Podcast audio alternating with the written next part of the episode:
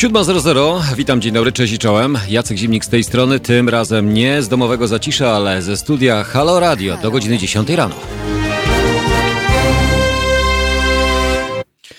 No, rzekłbym, że prawie się zmieściłem w dżinglu dość krótkim, bo to nie tylko ja tutaj jestem, ale również ze mną jest dzisiaj Piotr. Witam Cię Piotrze serdecznie i witam wszystkich tych, którzy razem budzą się z naszym halo radiowym halo.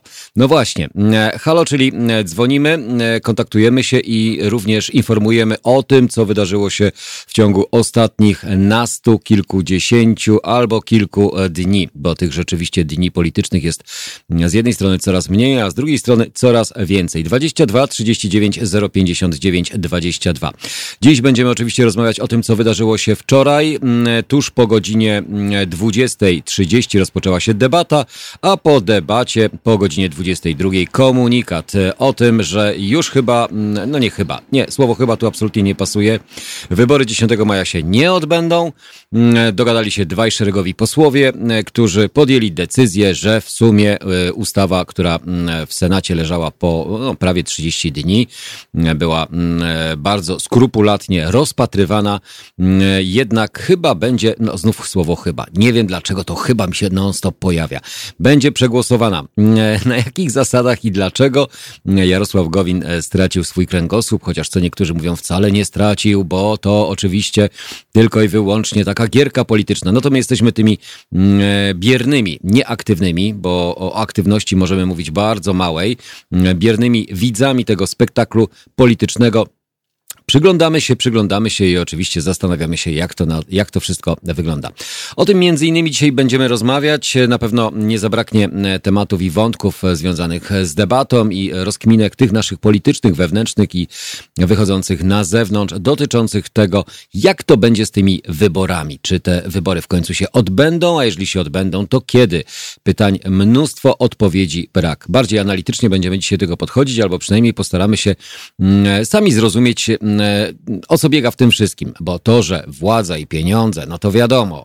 Ale mm, dlaczego akurat mm, tak to wszystko jest rozgrywane i wszystkim wydaje się tym, którzy podejmują takie decyzje, że robią to wszystko zgodnie z literą e, prawa, albo przynajmniej w granicach prawa. Ja uważam osobiście, że to wszystko jest tylko i wyłącznie w granicach prawa. Coś, co nie jest mm, zabronione, jest dozwolone. No to mm, i z jednej strony pani Elżbieta Witek, e, pani marszałek i pyta Państwową Komisję Wyborczą i pyta Trybunał Konstytucyjny, a przecież do tego nie ma specjalnie żadnych uprawnień, aby mm, pytać Trybunał Konstytucyjny odnośnie tego, czy zgodnie z zapisami albo zgodnie z brakiem takiego zapisu może przełożyć termin wyborów. No jeżeli nic nie jest napisane, no to e, i nie ma takich uprawnień, e, no to dlaczego też o to pyta? No, zastanawiać się by można było tutaj długo i pewno będziemy się długo zastanawiać nad tym. Ale mm, e, zastanawiamy się tylko, znaczy ja osobiście zastanawiam się e, nad tym, co wczoraj się wydarzyło, bo wspólne wydane oświadczenie jest rzeczywiście dość kuriozalne. Kuriozalne albo przynajmniej e, pokazujące, że w życiu czy w polityce, jak w życiu, wszystko zmienne jest. O godzinie 8.15 połączymy się z naszym korespondentem Zbigniewem Stefanikiem który mm, tradycyjnie opowie nam, e, co sądzi na temat tych wydarzeń politycznych. Wczoraj mm, z nim też byłem w kontakcie. Mm, nawet e, umknęła mu nieco debata polityczna. Mówię o debacie prezydenckiej, ale szybciutko to nadrobił, bo przecież debata była emitowana tylko i wyłącznie na jednym kanale, znaczy w sumie na e, jednym kanale, to znaczy TVP i TVP Info, a nie każdy przecież tą telewizję ogląda albo tą telewizję ma mimo to, że każdy płacić musi. Nie mówię, że każdy płaci, ale każdy płacić musi. E, pierwsze oceny, chłodne oceny e, tego, e, co dzieje się, czy wybory będą w maju, już raczej nie myślę, że ani 17, ani 23 nikt nie jest e, w stanie zdążyć e, z wyborami prezydenckimi. Nawet Państwowa Komisja Wyborcza mm, już dała taki komunikat, że jest to po prostu niemożliwe mm, pod względem prawnym, logistycznym czy organizacyjnym do zorganizowania. No, bo gdyby Państwowa Komisja Wyborcza zajmowała się tym od samego początku, to może e, udałoby się mm, to wszystko jakoś ogarnąć nazwijmy to kolokwialnie. Ale Państwowa Komisja tylko i wyłącznie była ciałem zewnętrznym, która absolutnie nie była zaangażowana w proces przygotowawczy wyborów prezydenckich. Ponowne rozpisanie wyborów, ponowny termin, najbliższy możliwy termin, który pozwoli na to, aby te wybory zorganizować. Ale to, co jest dla mnie zastanawiające, i ja cały czas będę wnioskował i apelował, jeżeli już mają się odbyć wybory, to niech się odbędą wybory normalne a nie jakieś korespondencyjne. Dla naszego bezpieczeństwa wiem, że może byłoby to dobre albo lepsze rozwiązanie, ale ja mam e, mieć poczucie tego, że mm, oddając e, głos, e, przynajmniej mieć takie wrażenie, że wszystko jest zgodne, a moje dane absolutnie nigdzie nie będą wędrowały gdzieś po ulicach czy po skrzynkach czy w miejscach, które no, nie mają swojego jakiegoś docelowego no, miejsca. No, no okej, okay, dobra, miejsce, miejsce, no, masło maślane. O godzinie 8.15, o 9.15 też połączymy się z naszym korespondentem. Tym razem będziemy, posłuchamy o tym, co się dzieje za granicą, czyli poza granicami naszego kraju.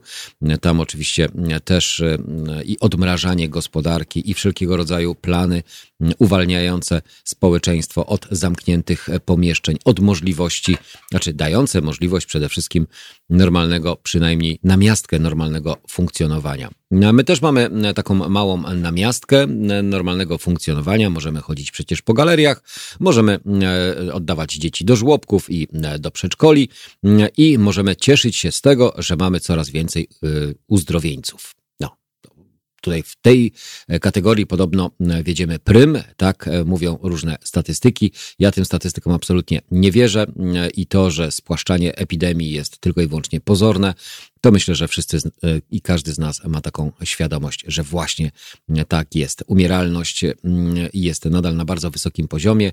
Epidemia w Polsce jest powszechna i powszechnie nas otaczająca. Więc y, pomysł na to, aby w ten sposób odciągnąć uwagę czyli skupić uwagę na wyborach i na prezydenckim galimatiasie, to chyba e, taka gierka, w którą cały czas my gramy. No więc e, grajmy w to na razie, grajmy i przyglądajmy się temu, co robią politycy, jak się przepychają, jak się przeciągają, jak się opluwają albo jak niemerytorycznie podchodzą do zagadnień prawa i praworządności w naszym e, kraju.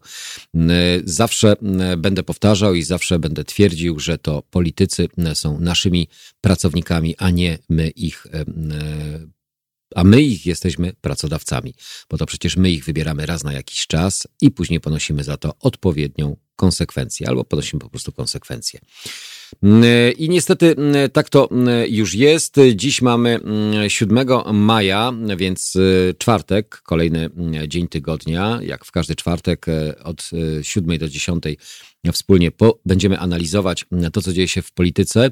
Piotr nam uruchomi zaraz kanał jakiś telewizyjny, abyśmy zobaczyli Jarosława Gowina, który podobno o godzinie 8 miał wystąpić na konferencji prasowej i potwierdzić to, co wczoraj zostało dogadane, albo to, co zostało z jednej strony może wymuszone, albo położone na stół właśnie jemu w zamian za poparcie ustawy, nowelizacji ustawy korespondencyjnej Mm, aby to głosowanie mogło odbyć się w najbliższym e, czasie.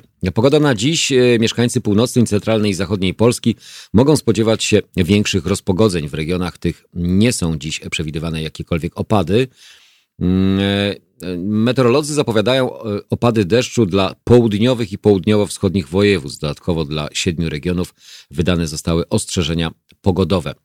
Najniższa temperatura prognozowana jest dziś dla Pomorza, gdzie będzie maksymalnie 12 stopni. Jeden stopień więcej pokażą termometry w Lublinie i Rzeszowie. 14 stopni zapowiadanych jest w województwach warmińsko-mazurskim, podlaskim, łódzkim, świętokrzyskim, opolskim, Śląskim i Małopolskim 15 stopni będzie we Wrocławiu, a 16 stopni w Warszawie, Poznaniu i Zielonej Górze. Najcieplejszy dzień czeka mieszkańców województwa zachodniopomorskiego i kujawsko-pomorskiego. Tam będzie no 17 stopni. Rano duże rozpogodzenia prognozowane są na północy kraju, a po południu także w centralnych regionach. Na południu Polski przez większość część dnia należy spodziewać się zachmurzenia dużego i umiarkowanego. Przelotny deszcz zapowiadany jest w województwach łódzkim, świętokrzyskim, lubelskim, śląskim, małopolskim i podkarpackim oraz w południowych powiatach Mazowsza. W pozostałych regionach bez opadów. Wiatr na ogół umiarkowany, silniejsze jego porywy przewidywane są na południu kraju. W górach może spaść też śnieg. Oj, oj, oj. Instytut Meteorologii i Gospodarki Wodnej wydał ostrzeżenia pierwszego stopnia przed silnym wiatrem dla województwa śląskiego, małopolskiego i podkarpackiego. W tych regionach może widać, może wiać się z prędkością do 75 km na godzinę, a w Karpatach w porywach nawet do 80 km na godzinę. W województwach lubelskim, mazowieckim, podlaskim i warmińsko-mazurskim obowiązują alerty dotyczące przymrozków. W nocy temperatura może spaść przy gruncie do nawet minus dwóch stopni. To odnośnie pogody. Gdy wyjrzymy przez okno, zauważymy, że no, czuć e, tą e, nadzieję, e, przynajmniej w tym, że słońce świeci, a jak słońce świeci, to też mamy więcej energii. No to tą energię teraz spożytkujmy przede wszystkim dawką i zarazem dobrej muzyki na antenie Halo Radio. Wiemy, że u nas mało gramy, ale dużo gadamy. I oczywiście dawką informacji, bieżących informacji i aktualnych komentarzy waszych na naszych czatach. Pozdrawiam wszystkich tych, którzy są i na Facebooku, welcome. I pozdrawiam wszystkich tych, którzy są na YouTubie albo słuchają nas za pomocą aplikacji. E, przypominam e, również e, o tym, że mm, każda wasza cegiełka i każda wasza wpłata pozwala nam na to, abyśmy mogli funkcjonować i wspólnie tworzyć to, co tworzymy, czyli Halo Radio. Halo Radio do godziny 10 rano.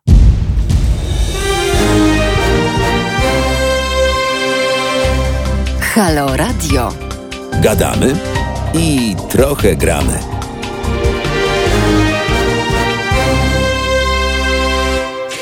Poranek to jest e, dobry moment do tego, aby oczywiście napić się kawy, więc zachęcam wszystkich tych, którzy e, budzą się razem z halo radiowym, e, naszym antenowym entrée, czyli tak zwanym wejściem w dzień, w piękny poranek, to aby napić się właśnie kawy. Przejrzeć sobie zarazem i internet, chociaż całego to przejrzeć się raczej nie da, ale te ciekawsze strony zapewne przykuwające waszą uwagę, no warto trochę poświęcić czasu na nich.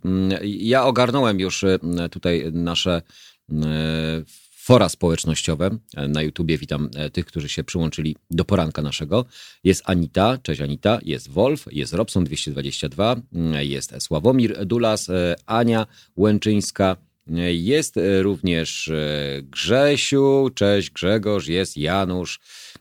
I myślę, że do tych komentarzy za chwileczkę będę nawiązywał. Na razie się witam, ale to przywitam się również z tymi, którzy są na Facebooku. Na Facebooku też przecież są osoby, które nas y, słuchają i nas oglądają. Przypominam y, dla tych, którzy po raz pierwszy gdziekolwiek zetkną się z nami, właśnie czy to na Facebooku, czy na YouTubie. Muzyki na razie słychać nie będzie. Z tego względu, że po prostu są ograniczenia praw autorskich, więc tutaj tylko i wyłącznie słyszycie to, co mówimy, a jeżeli chcecie posłuchać tego, co również gramy, no to trzeba skorzystać z aplikacji. Z aplikacji wszystkie informacje, wszystkie szczegóły na www.halo.radio. Tam możecie uzyskać więcej informacji na ten temat. E, witam e, oczywiście również na Facebooku Tadeusza, witam Violettę e, i Jerzego. Wszystkich Jerzy pisze, pisze nie słychać. No jak muzyka gra, to nie słychać, panie Jerzy. No niestety, tak to jest. Już właśnie to wytłumaczyłem, więc powtarzać tego nie będę ale może czasami raz na jakiś czas właśnie powtórzyć warto. E, Tadeusz na naszym e, fanpage'u facebookowym pisze e, odnośnie stuprocentowej racji, Gowin to wstrętny i zakłamany, nie powiem kto, ale coś takiego brzydkiego. No, ja nie używam tych wulgaryzmów albo nie używam tych e, epitetów. E, po co? Po co? Słuchajcie, e, to, że my ich tak postrzegamy, to my doskonale o tym wiemy. Gdybyśmy mieli używać takiego języka, który używamy na co dzień, nie w miejscach publicznych, to musiałoby tutaj nasza audycja tylko i wyłącznie składać się z samych wulgaryzmów, samych epitetów, samych ozdobników, które określałyby stan obecny i nasz stan w stosunku do politycznych zawirowań. No to z tymi politykami to jest tak, że oni niestety, no nie, Zobaczcie, no poświęcają się dla nas, pracują, e, harują, e, po 24 godziny na okrągło są na widelcu wszystkich. Każdy im się przygląda, co kto powie, kto jak wygląda, kto z kim się dogaduje, kto co mówił przed wyborami, kto co mówił w trakcie wyborów i jakie można mu e, cenzurkę lub jaką można mu wystawić ocenę za to wszystko. Ocenę wystawia się zazwyczaj raz na 4 lata. W przypadku prezydenta, no to raz na 5 lat. Tak. I teraz mieliśmy wystawić taką e, ocenę właśnie prezydentowi. E, ci, którzy mm, prezydenta e, znają, albo przynajmniej ci, którzy tego naszego prezydenta, no już dobra, nie będę brnął w tą stronę, oglądają, słuchają, to mają już wyrobione zdanie. Prezydent na swój temat ma też wyrobione zdanie, przecież ma już za sobą kadencję pięcioletnią, prawie zamkniętą, w sierpniu mu się w końcu kończy. To po wczorajszej debacie można wyciągnąć wnioski, że no nie ma innego kandydata oprócz niego. Patrząc oczywiście na debatę w mediach publicznych. Uciekające sekundy. Ja nie wiem w ogóle, co to jest tymi sekundami, bo wczoraj pojawiła się taka akcja, że internauci nagrywali fragmenty tej e, debaty i rzeczywiście pokazywali, co się dzieje z zegarem. Zegarem, gdzie nie tylko samym, nie tylko kandydatom opozycyjnym, ale również kandydatowi e, obecnemu, czyli prezydentowi, uciekały sekundy. Sekundy, ale takie pojedyncze, tam na przykład z 16 na 14, mm, to, tak, tu jedna sekunda, tam jedna sekunda i tych sekund było coraz mniej. A czasami tych sekund brakowało właśnie tym, którzy występowali, tym, którzy chcieli e, zarekomendować się na fotel prezydenta. Nie wiem po co w ogóle ta debata była, nie wiem po co ta szopka w ogóle jest odgrywana, skoro mm, i tak e, wszyscy z jednej strony mm, ci, którzy są przeciwni tym wyborom i przeciwni sposobu, sposobu w jaki, w jaki e, głosujemy, biorą jednak w niej udział, e, tak samo jak i Robert e, Biedroń, tak samo jak i Kośniak-Kamysz i Szymon Hołownia i wszyscy inni kontrkandydaci obecnego prezydenta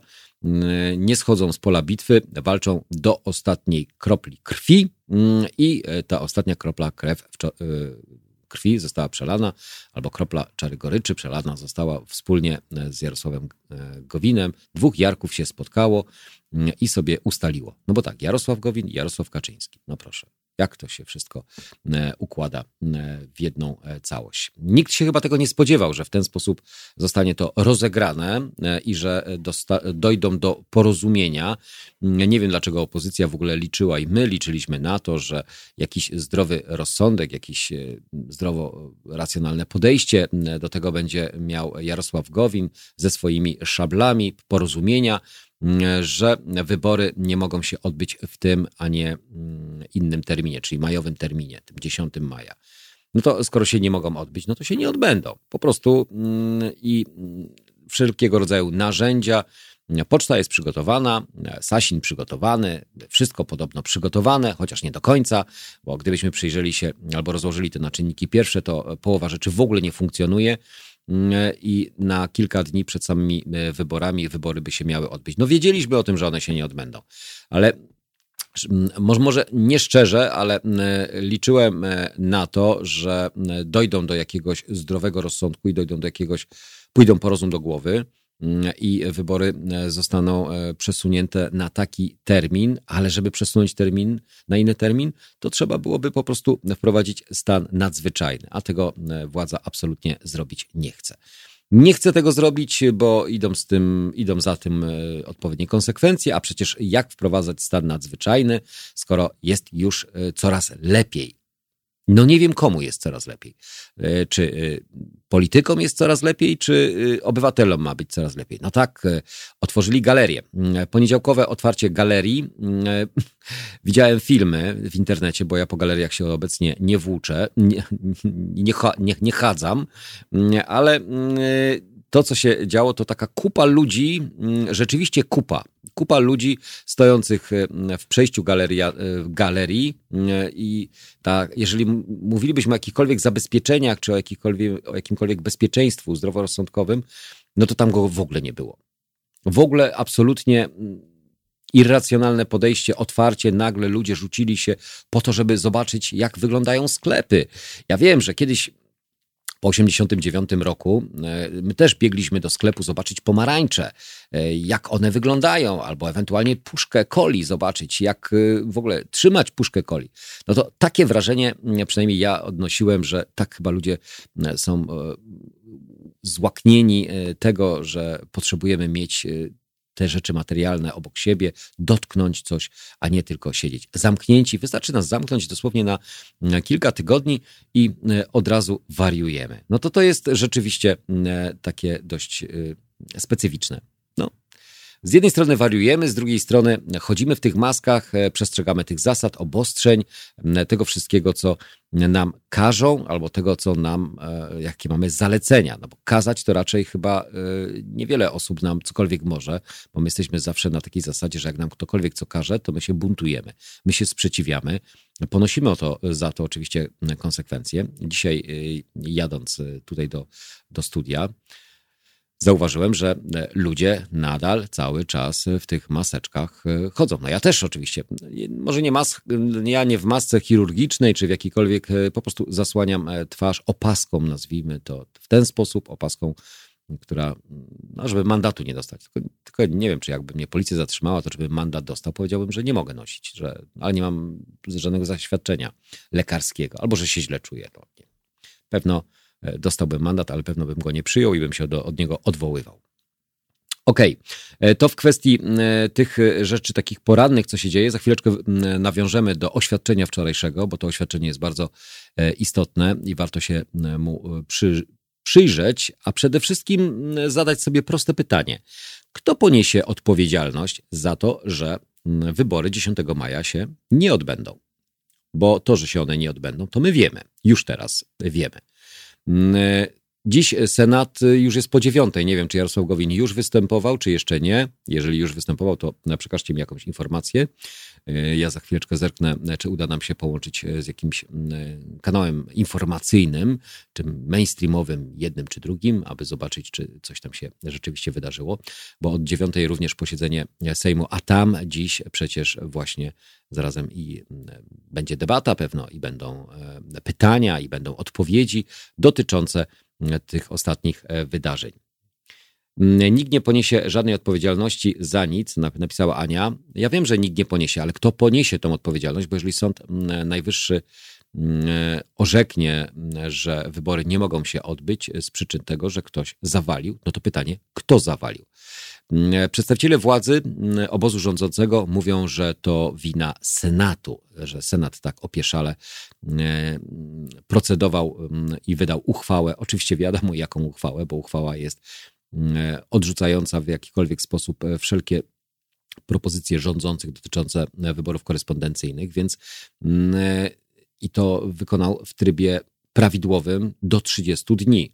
Więc y, przyspieszanie i ponaglanie instytucji mm, ustawodawczej i przez obóz rządzący Senatu, myślę, że jest absolutnie nie na miejscu. Na miejscu to byłoby to, aby mm, przygotować taką ustawę i przygotować taką formę wyborów, która pozwoliłaby nam wszystkim mm, z uczciwym, znaczy uczciwie podejść do tego i przede wszystkim bez strachu, bez lęku wziąć udział w tym głosowaniu. Okej, okay, jeżeli komuś odpowiadają wybory korespondencyjne, bo ma poczucie, że one są bezpieczniejsze, to zróbmy mieszane. Ja osobiście wolałbym iść mm, do punktu wyborczego, podpisać, nie dawać, e, nie wysyłać gdzieś e, swoich danych. Niech to będzie zweryfikowane i Państwowa Komisja Wyborcza niech ma nad tym pieczę i informuje nas na bieżąco o tym, jak to ma wyglądać. Mm, e, ale drukowanie tych kart kosztowało przecież. No wszystko kosztowało, ale to, to przecież, y, Anie, Aneto, e, to ty zapłaciłaś za to. Ja zapłaciłem za to i wszyscy ci, którzy nas dziś słuchają, mimo to, że krytycznie podchodzą do e, tej propozycji, więc wszystko kosztuje. Podobno te karty są najbezpieczniejsze od 89 roku, bo nikt nigdy takich kart nie wyprodukował. No rzeczywiście, tych kart nikt nie wyprodukował. Mają znaki wodne, są zabezpieczone. Wcześniej mm, karty do głosowania, które były drukowane dla Państwowej Komisji Wyborczej, to były zwykłe kartki, na których mm, byli zaznaczeni kandydaci. A tutaj mm, specjalne karty, no bo to wiadomo, muszą być pakiety powysyłane no to zobaczymy. Zobaczymy, jak ten dzisiejszy dzień i co nam ten dzisiejszy dzień mm, przyniesie, jakie mm, kolejne rewelacje i jakie kolejne scenariusze. Bo już tych scenariuszy naprawdę, to ja powiem Wam szczerze, tyle się nam namnożyło, mm, tyle alternatywnych światów politycznych wokół nas zostało stworzonych, że każdego dnia, co się budzimy, dowiadujemy się o czymś nowym i o czymś innym. Więc zostańcie z nami do godziny 10 rano. Może dowiemy się czegoś jeszcze e, ciekawszego, jeszcze czegoś nowszego na antenie Halo Radio.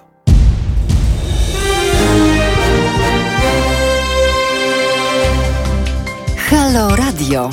Pierwsze medium obywatelskie.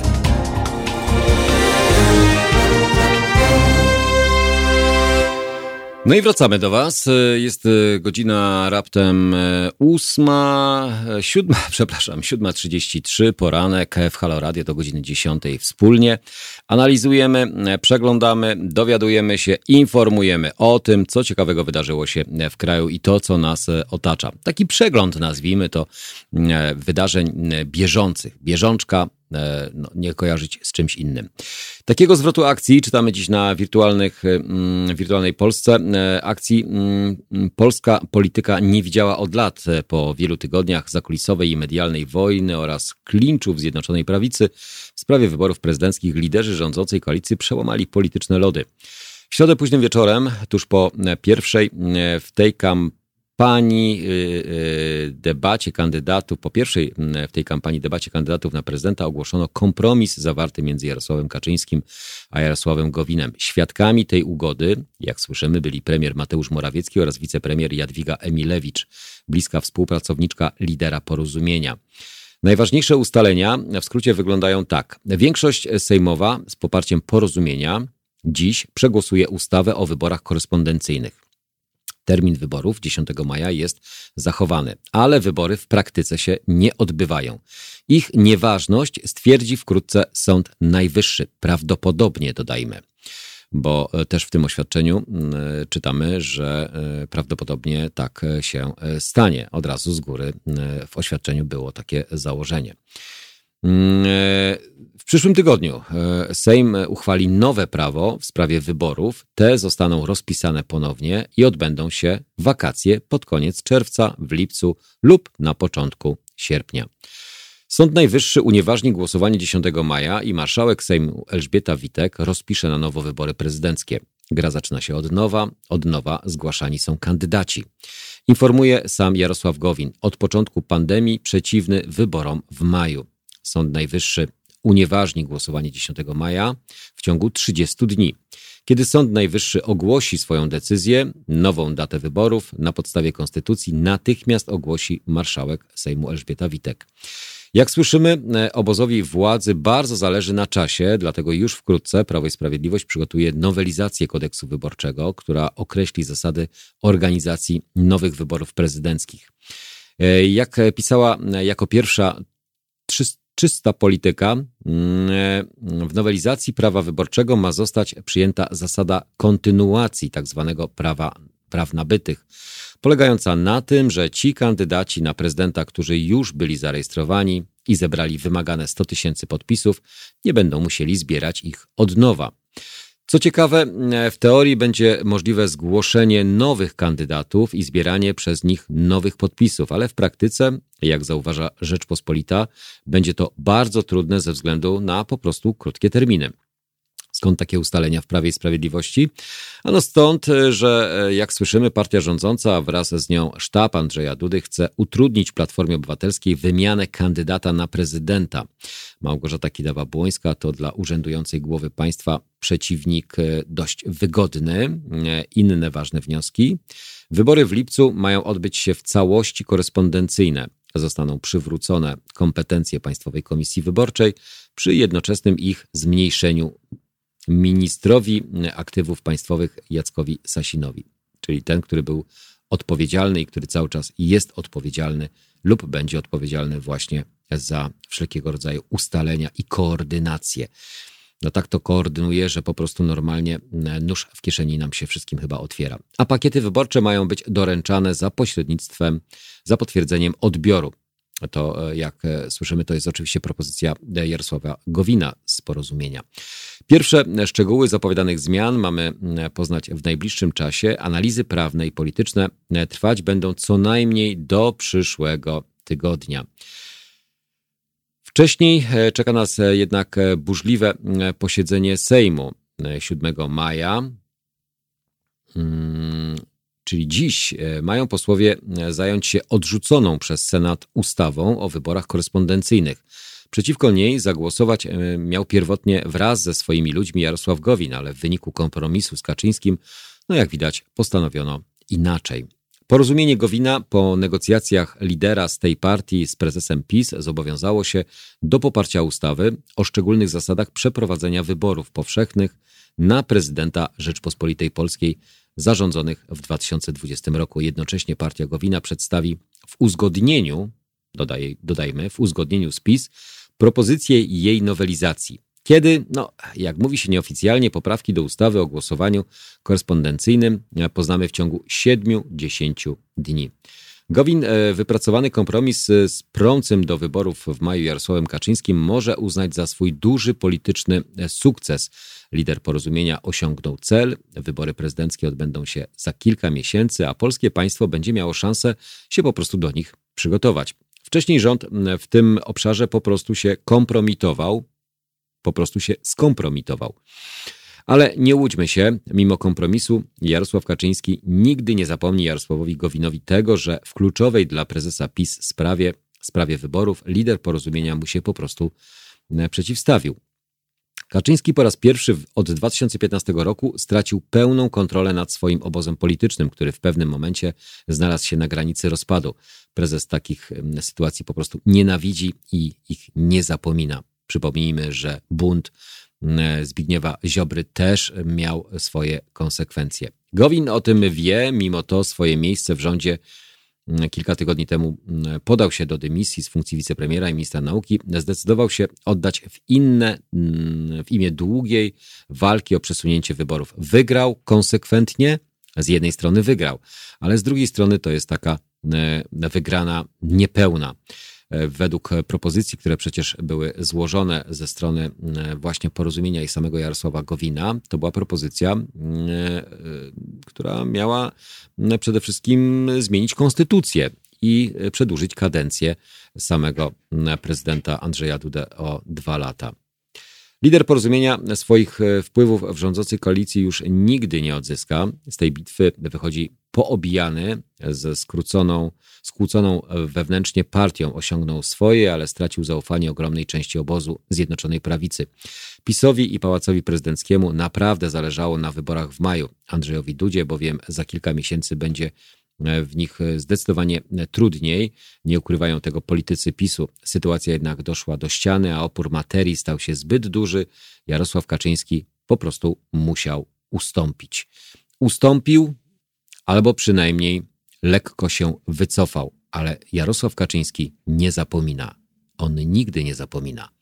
I przyjdzie moment, że mm, wyciągnie odpowiednie argumenty i wyciągnie odpowiednie narzędzia, które za to, co obecnie zrobił e, prawicy, Zjednoczonej Prawicy Jarosław Gowin, Jarosław Gowin sam poniesie konsekwencje. No chyba, że e, wydarzy się e, coś, czego nie jesteśmy w stanie absolutnie przewidzieć i pewno tego nie, nikt z nas tego nie jest w stanie przewidzieć na obecną sytuację co może doprowadzić do tego, że po prostu Zjednoczona Prawica się rozsypie, mimo tak, tak, takich prób scalenia. I wtedy y, już nie będziemy mówić o wyborach prezydenckich, ale może o skróconej e, kadencji obecnego mm, rządu, obecnej ekipy rządzącej, bo nie wiemy, jakie będą konsekwencje mm, ekonomiczne, gospodarcze, a jakie będą nastroje społeczne, e, które mogą spowodować kolejne zawirowania w naszym e, państwie. Bo przecież tych zawirowań absolutnie nam nigdy nie brakowało. A jeżeli już coś się działo, to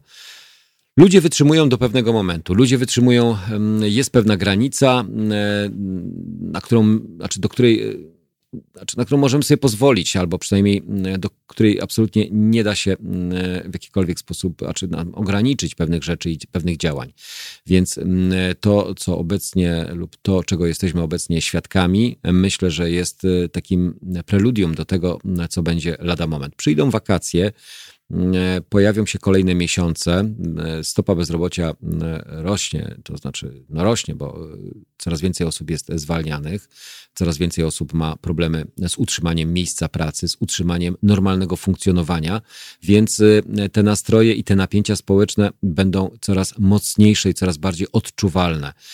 Wszelkiego rodzaju zabezpieczenia i wszelkiego rodzaju pomoce, które są deklarowane ze, ze strony obozu rządzącego i poszczególnych resortów, Mowa o tarczach, o tych różnych kredytach, o zapomogach, o dodatkach, które w rzeczywistości się nie sprawdzają w tak, jak powinny się sprawdzać, nie są powszechne i nie są ogólnodostępne, chociaż są ogólnodostępne, ale powszechne, czyli nie każdy z nich może skorzystać, są pewnym ograniczeniem. No, jest ta granica i ta granica oby nie została przekroczona, a struna nie została odpowiednio napięta, aby po prostu się nie zerwała. Bo jeżeli się zerwie, to wtedy zobaczymy, co się wydarzy.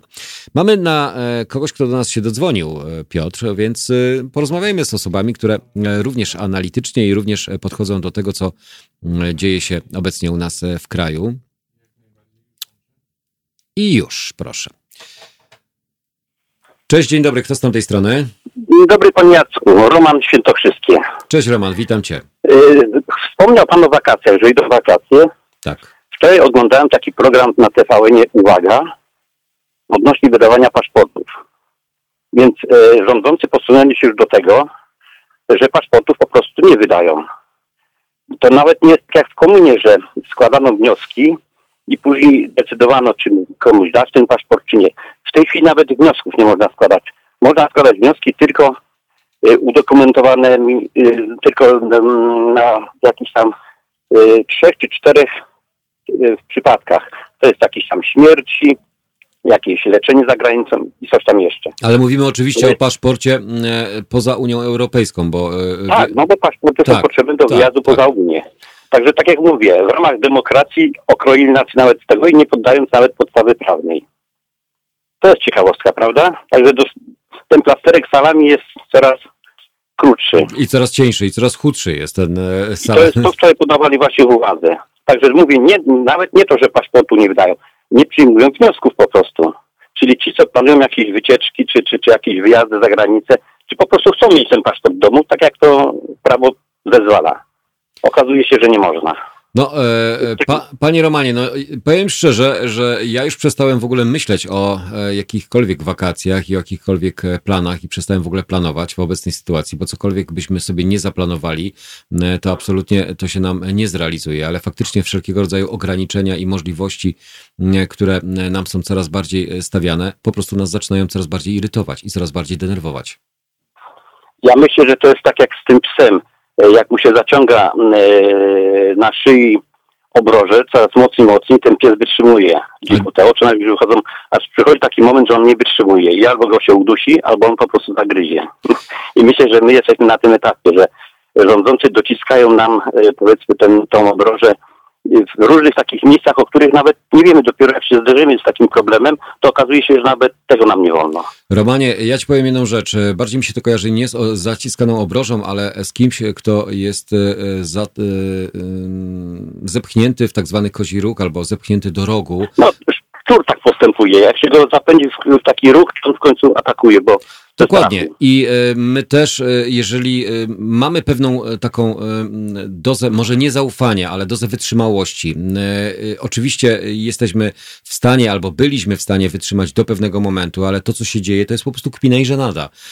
Z jednej strony w biały dzień po prostu robią z nas idiotów, bałwanów, którzy myślą, że my na wszystko jesteśmy w stanie pozwolić i dalej funkcjonować w takich realiach, jakie teraz są. Inne kraje kraje pozwalają e, normalnie, e, e, no, nie mówię, że pracować, ale przynajmniej rekompensaty są, rzeczywiście są realnym, są realne, są namacalne. A tutaj u nas ci, którzy spełniają oczekiwania, spełniają wymagania albo kwalifikują się do, do jakiejkolwiek pomocy, to okej, okay, może dostają, ale chciałbym, aby ci, którzy dostają, to niech powiedzą, dlaczego dostali albo na jakich zasadach dostali te różnego rodzaju dodatki, czy tą pomoc ze strony państwa, bo nawet teraz ubiegać się e, o dodatkowe postojowe, e, bo za poprzedni miesiąc e, z automatu takie postojowe można było dostać. To nie ma nawet oświadczeń na ZUS-owskich stronach, ubiegać się o kredyty, na dodatki pięciotysięczne, czy jakiekolwiek inne na podstawie działalności, czy to gospodarczej, czy prowadzonej spółki. To też jest bardzo trudne i skomplikowane, bo są wszelkiego rodzaju obostrzenia ograniczające na nam możliwości składania wniosków, więc y, tak pytanie takie realne. Roman, skorzystałeś y, z tarczy antykryzysowej? Y, w jakikolwiek sposób ci ona pomogła? Państwo znaczy, ci pomogło? Jestem, Ja jestem w tej dobrej sytuacji, że już nie, nie korzystam, ponieważ jestem na tak zwanym zasłużonym odpoczynku. Czyli jesteś Ale- zasłużonym emerytem. Znaczy, może zależy dla, kogo zasłużonym, ale rytem. E, Powiedzmy, ale, ale patrzę na to wszystko i, mam, że tak powiem, em, swoją, swoje zdanie. Ja uważam, że to towarzystwo, które rządzi, bo to jest mafia, to ja tak, akurat się tego nie boję powiedzieć, na, za ten zabrania mi emerytury, ale to jest mafia, która e, obstawia się tylko swoimi, ale nawet nimi rządzi nieudolnie. I właśnie zastanawiam się, kiedy to wszystko, za przeproszeniem, tąpnie. Bo u nas to nie może być tak, że podniecają się tu ludzie i politycy, że gdzieś jakieś wybory, jakaś koalicja, jakiś e, większość, mniejszość. Nie, oni to mają za przeproszeniem głębokim poważenia właściwie tylko jeden człowiek, bo tylko on zarządza w tej chwili. Ale kiedy to wszystko tąpnie, bo to nie może być tak, że e, to będzie trwało wiecznie.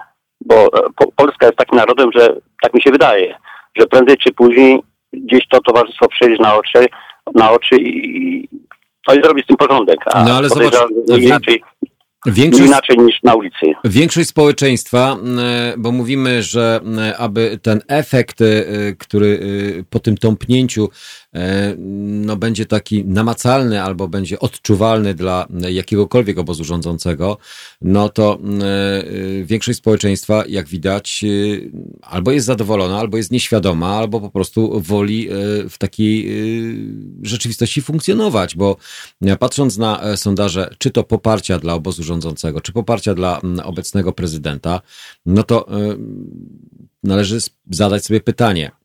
Jesteście zadowoleni, skoro y, tak y, bardzo licznie popieracie y, te wszystkie zmiany, które następują i te mm, procedury, które są łamane z jednej strony na drugą stronę, no to widać, że społeczeństwo jest zadowolone. Może takie po prostu jest społeczeństwo, może tacy jesteśmy.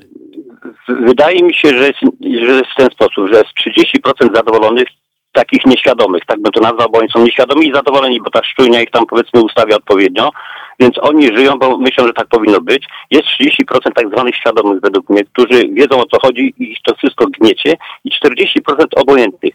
To jest, do nich bym zaliczył młodzież. Młodzież dopiero wtedy się ruszy, jak im się gdzieś tam przytnie internet, albo zresztą albo stwierdzą, że nie mogą gdzieś tam podróżować. I właśnie to są takie, takie, tak mi się wydaje, te trzy grupy społeczne. I teraz zależy, gdzie się przeciągnie to te 40% w którą stronę.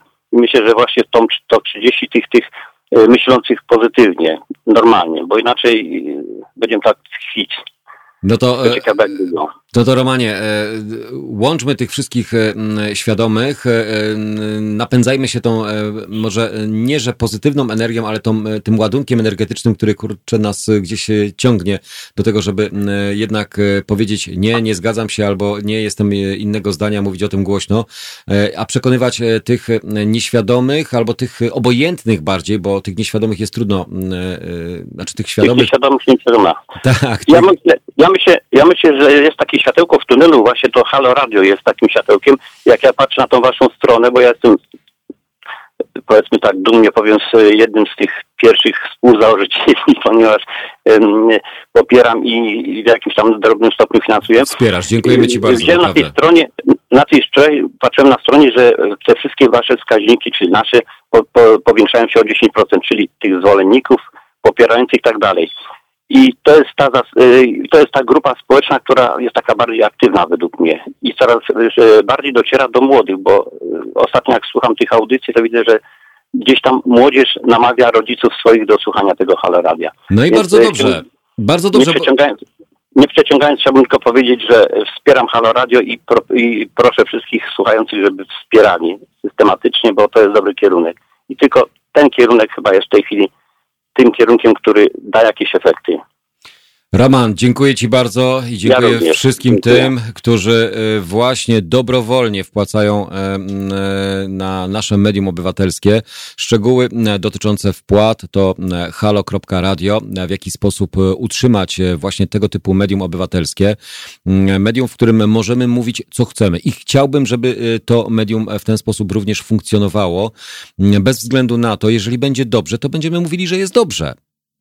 Ale jeżeli zawsze znajdą się tak zwane mankamenty funkcjonowania, czy to państwa, czy gospodarki, bo e, sielanki, e, no to chyba raczej nie doczekamy się nigdy. No zawsze będziemy mieli powody do tego, żeby e, trochę ponarzekać. Tylko zachowajmy tą równowagę i nie narzekajmy tylko cały czas, tylko doceniajmy również właśnie tego typu inicjatywy i tego typu światełka w tunelu, które pozwalają nam wierzyć w to, że przecież zawsze może być lepiej. No, y, Kiedyś po deszczu i kiedyś po mm, burzach wychodzi słońce. No dziś tego słońca mamy zdecydowanie więcej i niech te słońce nam świeci e, cały dzień i każdego kolejnego dnia. 22 39 059 22 Halo Radio do godziny 10.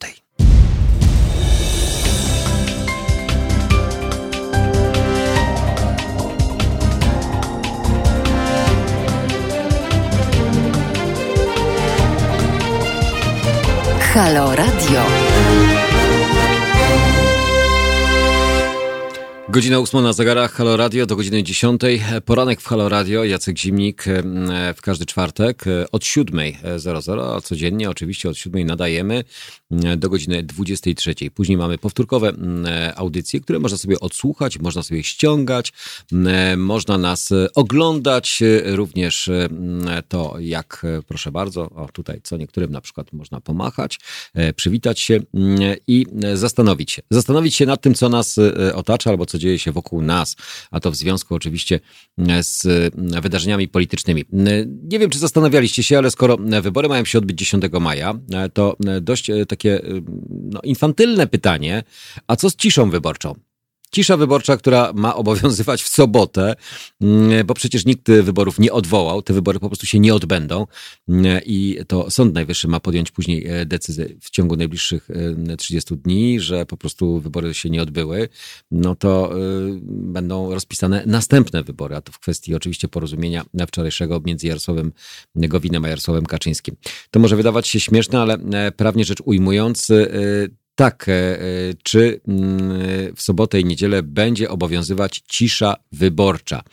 Nikt nie odwołał formalnie wyborów, więc nikt nie odwołał też formalnie ciszy, bo odwołanych wyborów nie ma. No, przynajmniej na razie. No, nie wiem, no ja nic na ten temat nie słyszałem. Zakładamy, że wybory zostaną uznane za nieważne, ale na samą ciszę nie ma na to e, wpływu. Ktoś by musiał wybory odwołać, a do tego nie ma prawnych podstaw. No bo nie ma prawnych podstaw. O tych prawnych podstawach za chwileczkę będę mm, też e, Was informował. Analogicznie nie będzie więc e, podstaw do odwołania ciszy.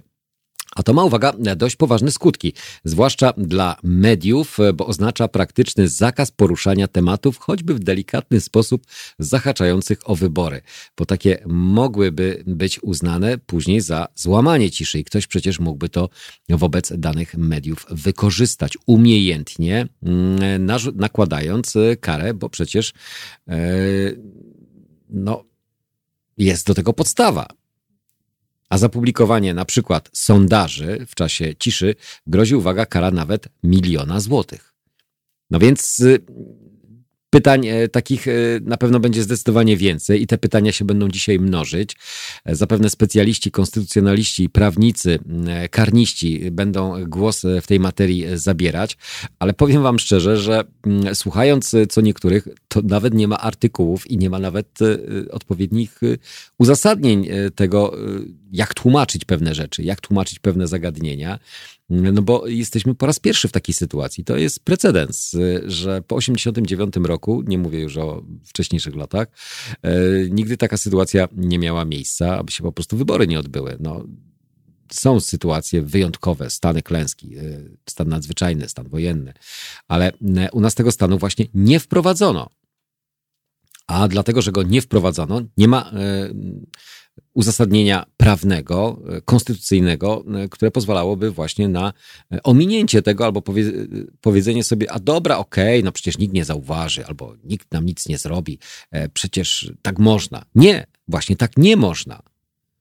I to jest to, co jest najbardziej denerwujące, że nie po to ktoś tworzył w 97 roku konstytucję, nie po to, żeby ktoś powiedział, jak mają, ma być skonstruowana zasada funkcjonowania państwa, e, która została wypracowana, żeby teraz na zasadzie, bo tak mi się podoba, albo bo nie mam innego rozwiązania, albo innej alternatywy, dokonywać tego typu zmian.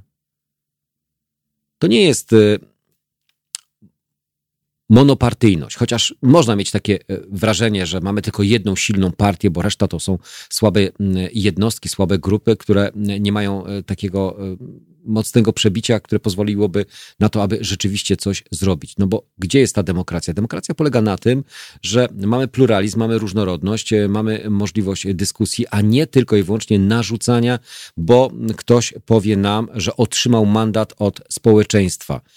Ja rozumiem, żeby, że większość społeczeństwa uprawnionego do głosowania albo e, większość społeczeństwa, no mamy 30 milionów e, osób, które jest uprawnionych do głosowania. Raptem kilkanaście e, procent, 8 milionów z tego, no, no tak, no nieco więcej, głosuje na jedno z ugrupowań politycznych, a pozostałe osoby głosują na inne partie polityczne, więc ta różnorodność e, powinna być bardziej odczuwalna i widoczna i tylko i wyłącznie debaty, e, które są dla nas lub są lub nie są interesujące, pokazują, że zdania są różne, no ale co z tego, że są różne, skoro te mniejsze ugrupowania polityczne nie mają wpływu absolutnie na tą większość parlamentarną. No ale taka jest zasada, tak to funkcjonuje. Przesunięcie wyborów o kilka tygodni. Na ten moment mówi się o okolicach połowy lipca. Niespecjalnie zmienia cokolwiek pod kątem, uwaga, pandemii. No bo patrząc y, na wskaźniki i y, to, jak to wszystko mm, do nas dociera, y, trudno spodziewać się radykalnej poprawy sytuacji i powrotu do normalności. Zgromadzenia nadal będą niemożliwe, a prowadzenie kampanii utrudnione. To znaczy, Kampanie dalej będą prowadzić tylko ci, którzy mogą prowadzić kampanię w mediach publicznych. No bo media publiczne, ja wiem, że ktoś powie, ale my nie oglądamy, my nie słuchamy. Okej, okay, ale warto wiedzieć, co się dzieje. No przecież to jest narzędzie wykorzystywane do czy to propagandy, czy do rozpowszechniania informacji prawdziwych lub nieprawdziwych, lub e, pokazywania, przedstawiania w sposób taki, jaki chce się przedstawiać dane wydarzenia lub dane postaci e, sceny politycznej a to ma przecież przeogromny później wpływ na mm, właśnie wynik, czy to wyborczy, czy na wynik postrzegania tego, co się w naszym kraju dzieje. Więc mm, można krytykować, ale trzeba mieć to na uwadze. Trzeba mieć na uwadze, że jednak te media publiczne mają bardzo spory zasięg. Na wczorajsza informacja, nie wiem skąd ona została mm, wyciągnięta, bardziej chyba powiedziałbym z kapelusza, ale okej, okay, dobra, ja się nie znam, ja nie mam wiedzy. Badania telemetryczne, które przeprowadzane są, może w czasie rzeczywistym były liczone, że 6 6 milionów e, osób e, oglądało debatę prezydencką. Taką informację prowadzący podał na samo zakończenie debaty. Wow, ja też bym chciał tak od razu podać. Nie, no oczywiście możemy podać na koniec liczbę wyświetleń danego e, programu, czy liczbę, ilość postów. No, Okej, okay ale tak od razu badania telemetryczne, 6 milionów nas oglądało, tak, jesteśmy najlepsi, docieramy do wszystkich z przekazem. No to ten przekaz też był tam mm, odpowiedni z jednej strony prezydenta i e, konkurentów mm, politycznych. Więc prowadzenie kampanii w nowym terminie, e, w obecnej, e, w obecnej sytuacji, no w Polsce jest, nie powiem niemożliwe, ale bardzo utrudnione. Czyli znów wracamy do punktu wyjścia. Jeżeli mają się odbyć wybory, to niech odbędą się na normalnych zasadach, na normalnych warunkach, uczciwych. Ok, wygra ten, kto ma większą siłę rażenia albo lepszą siłę przekonywania, ale niech miejmy poczucie tego, że nikt nas znów, za przeproszeniem, nie robi w konia. Pytanie, co z głosowaniami za granicą? To jest ogromny problem do rozwiązania, bo wybory prezydenckie mają być powszechne, czyli e, każdy uprawniony powinien mieć możliwość wzięcia w nich udziału. W niektórych krajach może być trudno przeprowadzić głosowanie korespondencyjne i rozesłać pakiety. W innych niemożliwe byłoby zorganizowanie w obecnych warunkach wyborów stacjonarnych. Przesunięcie wyborów o kilka tygodni też nie rozwiązuje tych problemów. Kilka, kilkanaście tygodni. No i znów y, mnożą się pakiet, z, znów mnożą się pytania, czy pakiety zachowają swoją ważność. Coś, co zostało już przygotowane do wyborów 10 maja, czy jeżeli one będą w sierpniu, w lipcu, w sierpniu, w czerwcu, we wrześniu, nie wiem, kiedykolwiek, zobaczymy, jak to się rozłoży.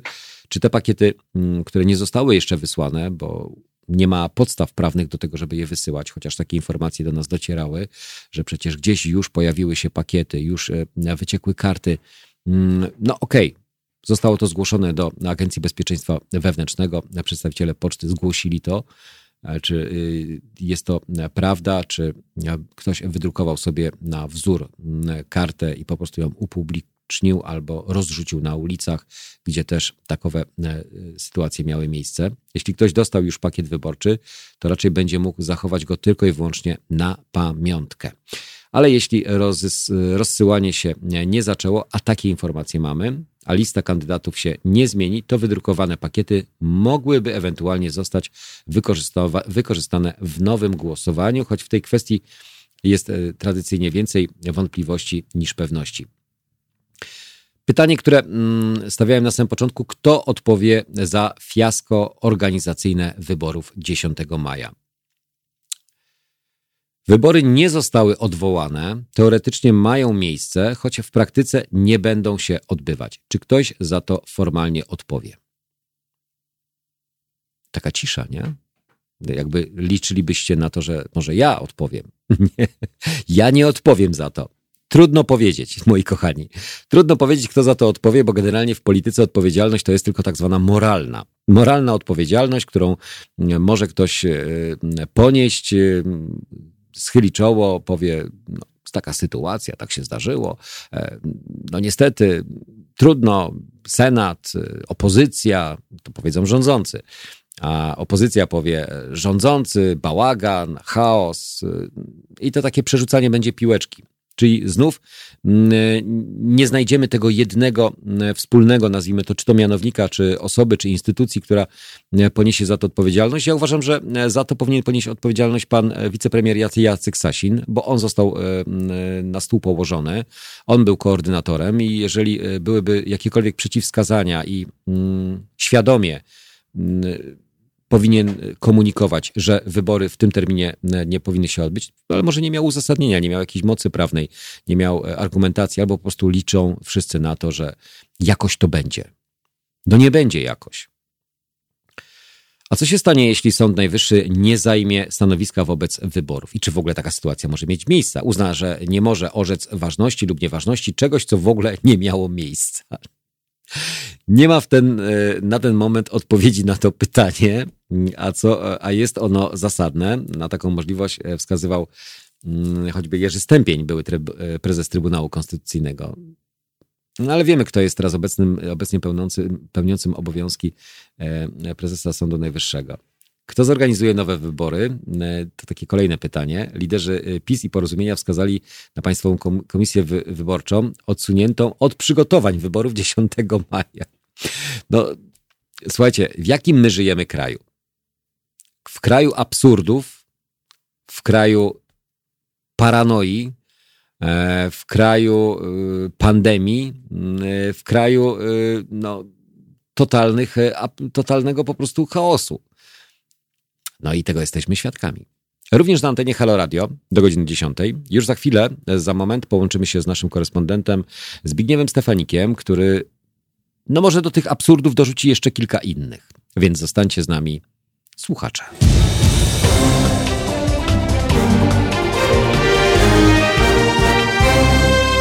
Halo Radio. Halo Radio i tak jak e, zapowiadałem, tak też się e, stało, e, w przeciwieństwie do tego, jak robią rządzący.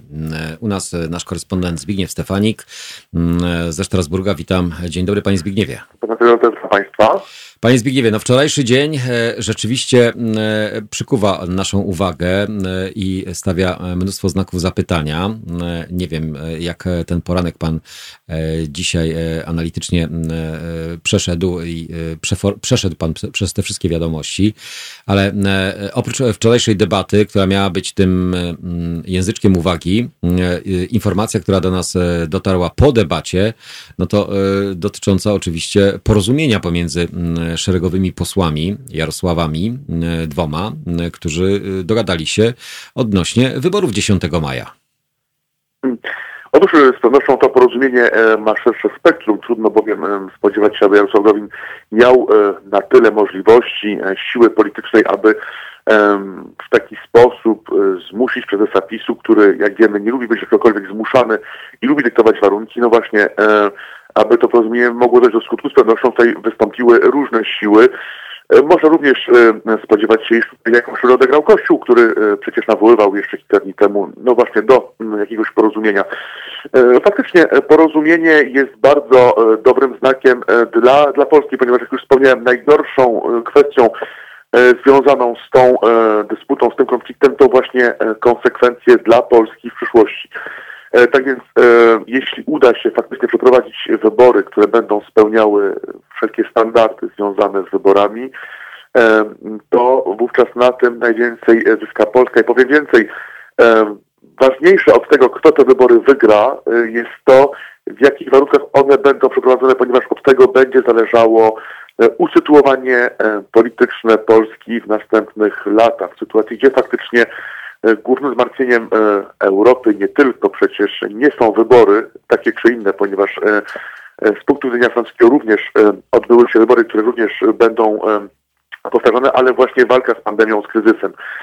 Tak więc wprowadzając nieco być może naciągane w rozwiązania prawne, Polska tak naprawdę doprowadzić też ma nową szansę doprowadzenia do sytuacji, gdzie wybory prezydenckie odbędą się w sposób akceptowany, akceptowalny i zaakceptowany przez Europę, jeśli te standardy e, będą spełnione.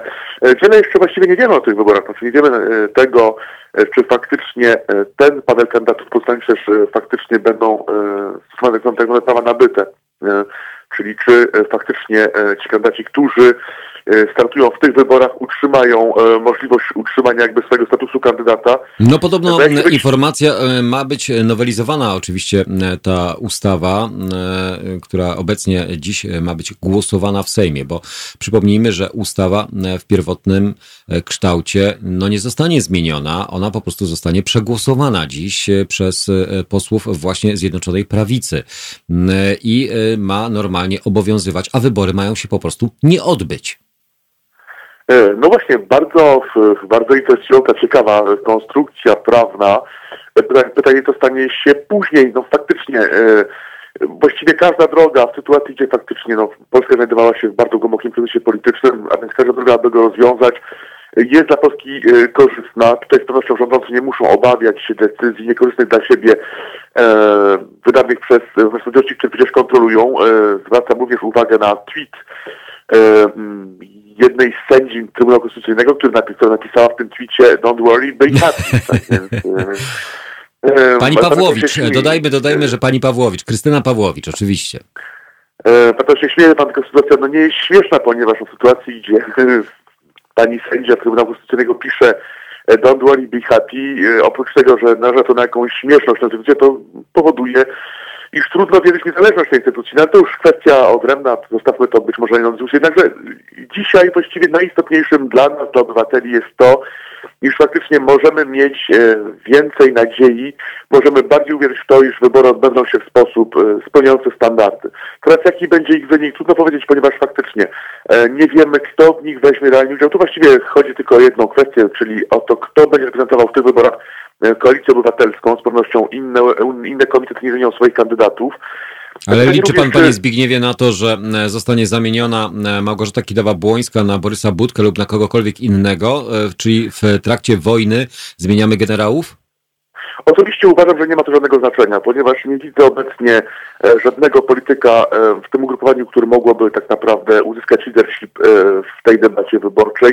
Być może jeden z samorządowców, myślę na przykład o Rafale Dudkiewiczu, byłym prezydencie Wrocławia, być może prezydencie Jaśkowiaku, być może ktoś innym, być może jakiś samorządowiec miałby szansę ten wynik poprosić, także zdaje się, iż czasu będzie i tak bardzo mało, co najwyżej dwa miesiące, dwa i pół miesiąca, ponieważ e, pierwsze sygnały były takie, że wybory odbędą się w sierpniu, teraz z kolei mówi się o lipcu. E, tak więc tutaj ja osobiście jako politolog jestem zdania, iż e, tutaj zmiana kandydatki nie, nie, niewiele wniesie właściwie do wyniku finalnego E, mm, jej ugrupowania. No dobrze, ale z jednej e, strony pan mówi o tym, że okej, okay, ja rozumiem, e, bo i prezydent Poznania Jaśkowiak przecież w, w prawyborach startował, odniósł znaczy mniejszą, mniejsze poparcie wśród koalicji obywatelskiej niż pani Małgorzata Kidawa-Błońska, więc stawianie na jakiegokolwiek innego kandydata jest teraz irracjonalne albo po prostu no bezużyteczne, bezużyteczne, bo i tak jakby efekt tego będzie ten sam. Ale co w kwestii wyborów a pandemii, bo jeżeli rozpisane wybory będą na nowo, bo taka jest, e, taki jest scenariusz, zobaczymy, co Sąd Najwyższy jeszcze orzeknie, ale oczywiście wiemy, że na pewno orzeknie to, że skoro wybory się nie odbyły, to muszą być ponownie rozpisane. E, a co? Panie don't worry, be happy. Myślę, że tutaj nie będzie problemu, e, jeśli chodzi o, o wyrok Ale co z pandemią? Co z pandemią, co z epidemią? Epidemią, e, która jest e, powszechna i nie wiemy, jak ona będzie jeszcze przebiegała. Przecież nie jesteśmy w stanie przewidzieć tego, czy e, fala zarażeń będzie spłaszczana oficjalnie czy nieoficjalnie, bo wskaźniki, które podawane są przez media publiczne, mówią o tym, że jesteśmy w momencie, nazwijmy to, wychodzenia z epidemii. Z drugiej strony zaś inne wskaźniki wskazują na to, iż no epidemia w Polsce przyspiesza. Jednakże tutaj jak przyjmuje się ogólnie, nie tylko w Polsce, zdaje się właściwie ogólnie w Europie, taki, taką hipotezę, iż właściwie pandemia zwolni w lecie, ponieważ e, nadal przyjmuje się e, ten charakter sezonowy tej pandemii, tak więc być może faktycznie w lecie e, pandemia pozwoli na to, aby te wybory przeprowadzić, zwłaszcza, że mówi tutaj się o tym, iż te wybory będą miały charakter hybrydowy, e, czyli korespondencyjny, być może również jakiś element cyfrowy, czyli internetowy, tego nie wiemy. Jesteśmy właściwie na etapie, na pierwszym etapie w sumie negocjacji, ponieważ Prawda jest taka, że to będą właściwie całkowicie nowe wybory, czyli y, z punktu widzenia prawnego my startujemy od początku. Jeśli jakby przestrzegać litery prawnej od A do Z, to tutaj właściwie wszystko musi odbyć się od początku, czyli kandydaci muszą Najpierw pani marszałek musi wyznaczyć nowy termin wyboru, potem kandydaci muszą zebrać wymaganą liczbę podpisu, tak więc to wszystko tak powinno się odbyć. Czy tak się odbędzie, tego nie wiemy, ponieważ faktycznie z pewnością kandydaci reprezentujący te mniejsze komitety będą protestowali w związku z z koniecznością zbierania podpisów, argumentując, że właśnie w sytuacji pandemii może to okazać się e, trudne, wręcz niebezpieczne, aby zbierać e, na masową skalę e, podpisy pod nazwiskiem swojego kandydata. Tak więc biorąc pod uwagę, iż faktycznie zmiana kandydata w przypadku Konstytucji Obywatelskiej niewiele wniesie, niewiele zmieni, możemy przyjąć taką hipotezę, iż w ramach tego rozwiązania przyjmiemy e, takie rozwiązanie, że właściwie prawa nabyte będą obowiązywały, czyli właściwie ten sam panel kandydatów, tylko że e, w późniejszym terminie, a cała reszta będzie otoczką prawną w wykonaniu osób, które właściwie powodują, że pan profesor no, może być don't worry, be happy. Nie musi przejmować się, nie musi przejmować się tym, co orzeknie Sprawiedliwości, ponieważ jest po prostu pod jego kontrolą. Tak więc ja bym nie spodziewał się tutaj żadnych, żadnego zaskoczenia, jeśli chodzi o, o te wyroki. Tutaj można zacytować jednego parlamentarzysty właśnie Prawa Sprawiedliwości, który no, właściwie wręcz zdziwił się zadanym pytaniem, iż e, ten wyrok może być e, nie pomyśli rządzących, e, argumentując, że no, jeśli wybory się nie odbędą 10 maja, to trudno stwierdzić, iż odbyły się one. Tak więc faktycznie, no, fakt, fakt, iż, fakt, nie odby, fakt braku wyboru spowodują, iż ten wyrok no, musi być Taki, jaki, jaki spodziewany jest przez e, e, obóz rządzący. Ale dobrze, tak panie, Zbigniew, ale Zbigniewie, panie Zbigniewie, bo ja rozumiem, że jakby ten proces teraz obecnie, który, w którego jesteśmy świadkami, czyli głosowanie, wybory 10 maja, forma korespondencyjna, one się nie odbywają. Z drugiej strony mamy w sobotę i w niedzielę mieć ciszę wyborczą, która powinna, która według prawa też obowiązuje. E, wszelkie próby łamania zachowania ciszy, no mogą też nieść za sobą jakiekolwiek konsekwencje. Ja wiem, że możemy powiedzieć, dobrze, nie będziemy e, was e, karać, ale moment, przecież my działamy w, w ramach prawa i w granicach prawa, więc nie można dopasowywać sobie prawa do danej sytuacji. No, ostrzegają przed tym konstytucjonaliści, ostrzegają od, przed tym prawnicy, że w danej sytuacji nie można sytuacji dopasowywać sobie do takich wariantów, które sobie ktoś gdzieś tam w głowie ułożył czy wymyślił, tak? Panie doktorze, w mojej opinii od e, pięciu lat e, w Polsce niektórzy mają możliwość dopasowania sobie wariantów do sytuacji, które ktoś sobie wymyślił. Tak więc to nie jest to jakaś nowa sytuacja, która ma miejsce w, w, w Polsce. No, biorąc pod uwagę wszelkie wydarzenia związane z tak zwaną reformą wymiaru sprawiedliwości, z innymi reformami, z tym, co działo się przecież w Monie w okresie, gdzie zarządzał nim Antoni Macierewicz, E, to wszystko e, nie powinno w żaden sposób dziwić, iż w sytuacji, gdzie faktycznie e, nie ma wyborów, nie będzie wyborów, będzie obowiązywała jakaś cisza przedwyborcza, no, która właściwie będzie obowiązywała po to, aby nie odbyły się wybory mm, w celu zorganizowania ich w późniejszym terminie. To wszystko nie powinno dziwić, ponieważ znajdujemy się w Polsce już daleko poza ramami prawnymi i tutaj trudno oczekiwać od sytuacji, gdzie faktycznie od samego początku forsowanie tej formuły wyborów przez rządzących postawiło nasz kraj, nasz system prawny niejako e, w sytuacji nieco kuriozalnej, tak więc na tym etapie trudno e, spodziewać się, aby to się miało zmienić w najbliższym czasie. Należy się cieszyć z tego, iż faktycznie uda się te wybory, być może uda się, tego nie wiemy, ale jest szansa na to, iż uda się te wybory zorganizować w taki sposób, który będzie, jak już wspomniałem, akceptowalny no nie tylko dla obywateli, czy też ich większości, ale dla e, otoczenia międzynarodowego Polski, ponieważ to tak naprawdę jest e, klucz całej tej debaty. A jakieś e, szczegóły, o których Pan mówi, które w krajach, gdzie co podstawie prawa byłyby z pewnością istotne. Zdaje się, z naszego punktu widzenia polskiego są mało istotne. Mało istotne. Dobrze, panie Zbigniewie, to przejdźmy jeszcze do e, wczorajszej debaty, która miała być tym języczkiem uwagi i miała zwrócić mm, e, e, mm, uwagę na przede wszystkim nie na rządzącego, ale, znaczy na rządzącego, na obecnego prezydenta, ale przede, przede wszystkim na tą stronę opozycyjną. Kto według pana najlepiej się zaprezentował, obronił swoją pozycję lub wzmocnił, albo też osłabił swoją pozycję z, e, z kandydatów opozycyjnych? Otóż ta debata właściwie niewiele zmieniła, ponieważ była ona potraktowana w sposób bardzo zachowawczy, zdaje się, przez wszystkich e, kandydatów. E, I tak naprawdę tutaj jestem zdania większości moderatorów, którzy właśnie mówią, że właściwie w tej debacie każdy powiedział swoje i tutaj nie było absolutnie żadnych niespodzianek. Zdaje się, iż obecnie głównym rywalem e, Pałacu Prezydenckiego e, jest właśnie e, kandydat PSL-u, czy koalicji, koalicji polskiej, e, Władysław e, Kośniak-Kamysz. To również wynikało z tej debaty, zdaje się faktycznie, to on sytuuje się obecnie jako no, ten główny pretendent, który ma szansę na wejście do drugiej tury z um, urzędującym prezydentem. Jednakże warto mieć na uwadze, iż tak naprawdę wszystkie sondaże e, przedwyborcze mało nam powiedzą o tym, e, kto będzie w tej wyborze, ponieważ tutaj wiele zależy od frekwencji. Pytanie, ile tak naprawdę wyborców weźmie udział w tych nowych wyborach, biorąc pod uwagę, że odbędą one się w lecie, tak więc w okresie wakacyjnym, Jednakże też pytanie, ile... Jak te wakacje będą wyglądały dla No właśnie, osób? ile Polaków wyjedzie na, na wakacje. Tak więc tutaj właściwie wiele niewiadomych i trudno na tym etapie przewidzieć, kto te wybory może wygrać. Tutaj żadne sondaże zdają, zdaje się nie będą w stanie tego zrobić, jak i również politolodzy. Jednak na tym etapie mm, wszystko wskazuje na to, że tym głównym kandydatem, e, tym rywalem politycznym jest obecnie Władysław Kośniak-Kamysz, e, jak i również przeważał za pewne fakty. Otóż e, Jarosław Gowin, wypowiadając posłuszeństwo prezesowi PiSu, z pewnością E, zdawał sobie sprawę z tego, iż e, nie będzie on miał powrotu do, e, do tego obozu politycznego. Tak więc z pewnością buduje się jakiś nowy obóz polityczny z pominięciem zarówno Platformy, jak i PiSu na polskiej scenie politycznej.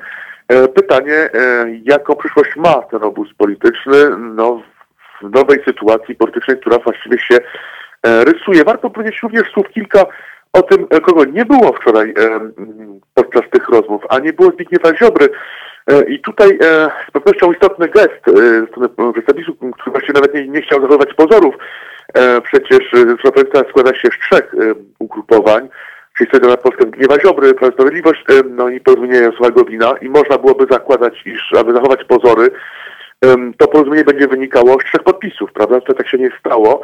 Z pewnością prezes PiSu chciał uniknąć sytuacji, e, gdzie Zbigniew Ziobro uzyska również jakieś miano podmiotowości e, w tej układance, jednakże faktycznie e, opór Zjednoczonej Prawicy właściwie jest passe, można tak to uznać, ponieważ o ile faktycznie no nie doszło do, do tego rozłamu czy utraty większości, o tyle z pewnością ta większość już obecnie nie istnieje.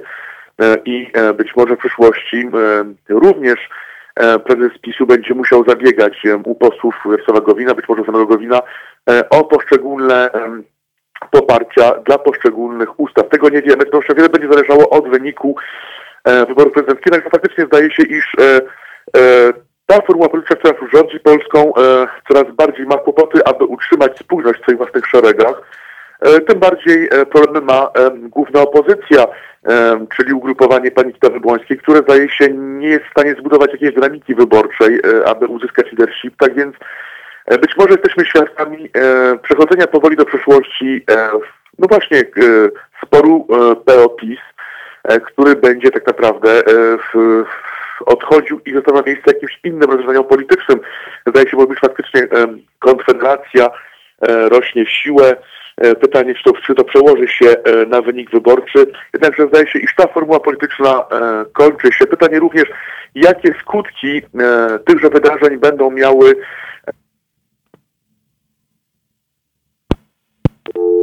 Oj, niestety rozłączyło nam, e, e, no jakie skutki będą miały te wydarzenia ostatnie.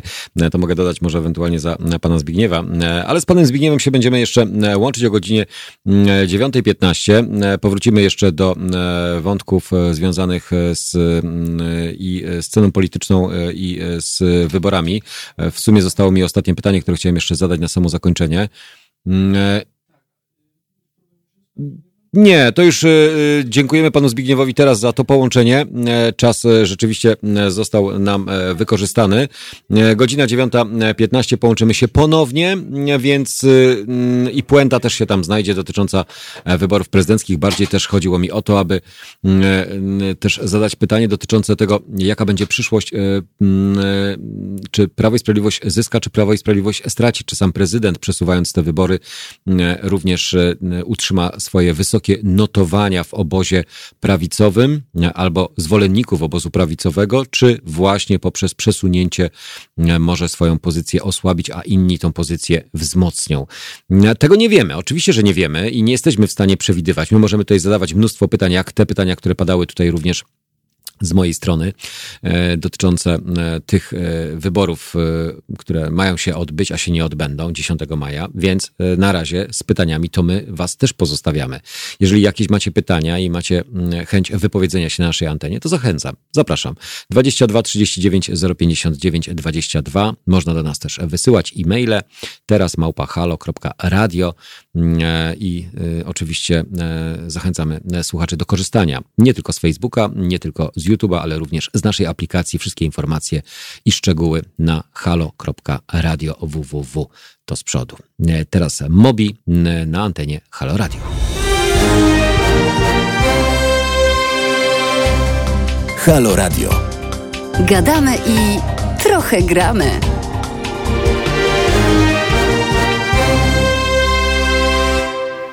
No tak, gadamy i trochę gramy, e, mimo to, że zerwało nam połączenie, ale myślę, że e, i ocena, i opinia e, nieco inna troszeczkę niż moja, ale chyba o to chodzi, żeby po prostu mieć różne zdanie i różne opinie, bo czy to dobrze dla naszego kraju, że e, te wybory się nie odbędą? Oczywiście, że dobrze. Ja uważam, że w ogóle wybory nie powinny się odbywać w tym okresie. E, I czy Polska zyska? Myślę, że w, w obecnej sytuacji absolutnie nie zyska. Mogłaby stracić, stra, tra, tracić dużo, mogłaby stracić jeszcze więcej. Ale na arenie międzynarodowej przesunięcie wyborów o miesiąc czy dwa będzie efektem postrzegania tego, że sobie radzimy i że możemy pozwolić sobie na to, aby przeprowadzić w takim okresie wybory prezydenckie. No tutaj z Piotrem dochodziliśmy do różnych takich wniosków. Jedyne co to oczywiście kadencja prezydenta kończy się w sierpniu, więc aby była kontynuacja, ciągłość rządzenia, no to do tego momentu musi być wybrany następca, a przecież jeżeli nie będzie wybrany, bo warunki na to nie, nie pozwolą, no to pełniącą obowiązki prezydenta może być pani marszałek Witek, to druga głowa w państwie przecież rządzący chyba z tego faktu byliby zadowoleni.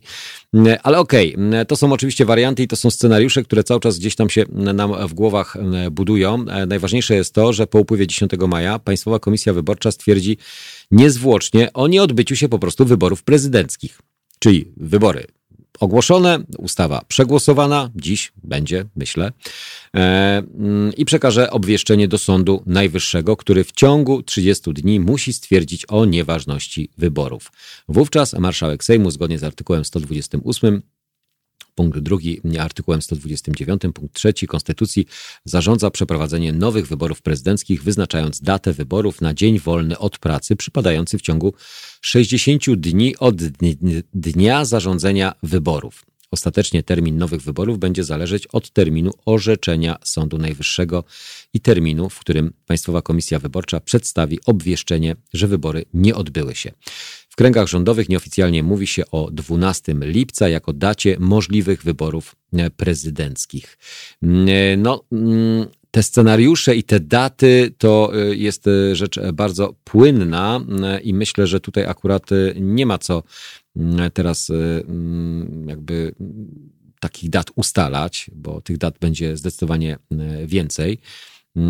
Komentarze do wczorajszego mm, orzeczenia, a czy oświadczenia, bardziej oświadczenia mm, dwóch szeregowych posłów mm, Zjednoczonej Prawicy, Katarzyna Lubnauer. Najbardziej bulwersującym układ Gowin-Kaczyński jest fakt, że dyktują oni Sądowi Najwyższemu, co ma zrobić. Może dlatego, że pełniąca, pełniący obowiązki prezes Sądu Najwyższego został e, człowiek Ziobry, a ważnością wyborów zajmie się Izba Kontroli Nadzwyczajnej i Spraw Publicznych w pełni powołana przez NeoKRS.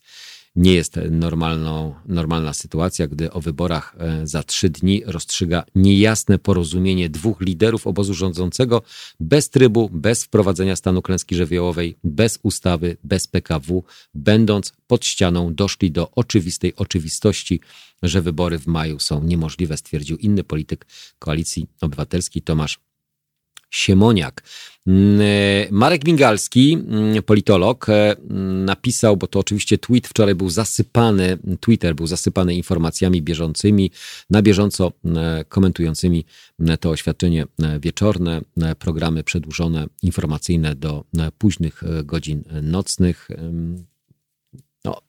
temat jest, no to e, trzeba e, przecież go na bieżąco e, komentować. Mam wiele pretensji do Gowina i krytycznie oceniam jego polityczną drogę, ale to on i kilkoro jego posłów uratowali Rzeczpospolitą przed wejściem w pełną dyktaturę hybrydową. Przynajmniej na chwilę. Warto to docenić i teraz i nie hejtować go akurat teraz, stwierdził Marek Migalski.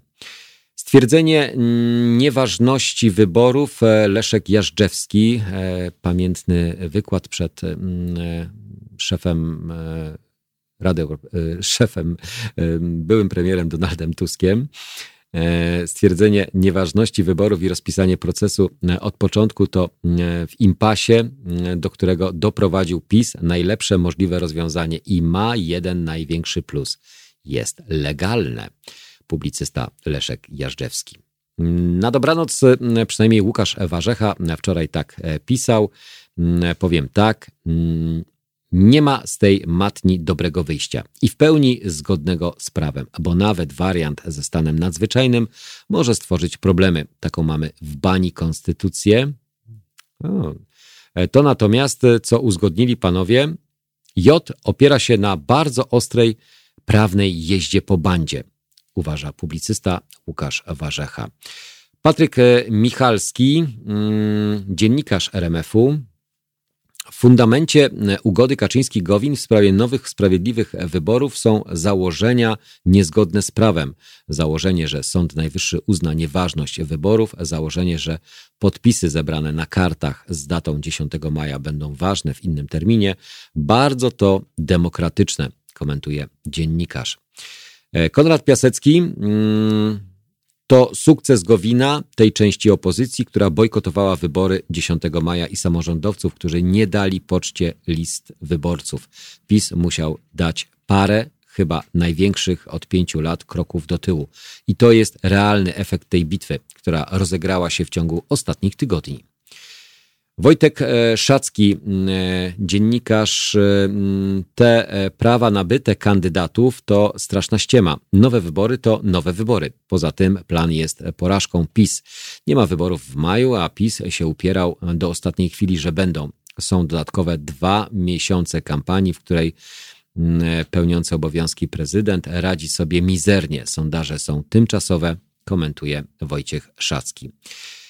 E, Michał e, Wawrykiewicz, mm, adwokat, e, uważa, że Jarosław and Jarosław zdecydowali, że Sąd Najwyższy orzeknie nieważność wyborów, których nie było, a marszałek Sejmu zarządzi to i tamto. Uzgodnili to jest właśnie miara degradacji systemu konstytucyjnego. To są standardy Republiki Bananowej, uważa adwokat Marcin Matczak również z Wydziału Prawa i Administracji Uniwersytetu Warszawskiego.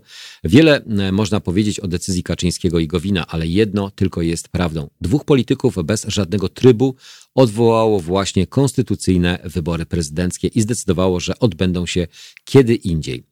Jeśli to nie jest Republika Bananowa, to nie wiem, co nią jest, ocenia mm, e, adwokat Marcin Matczak.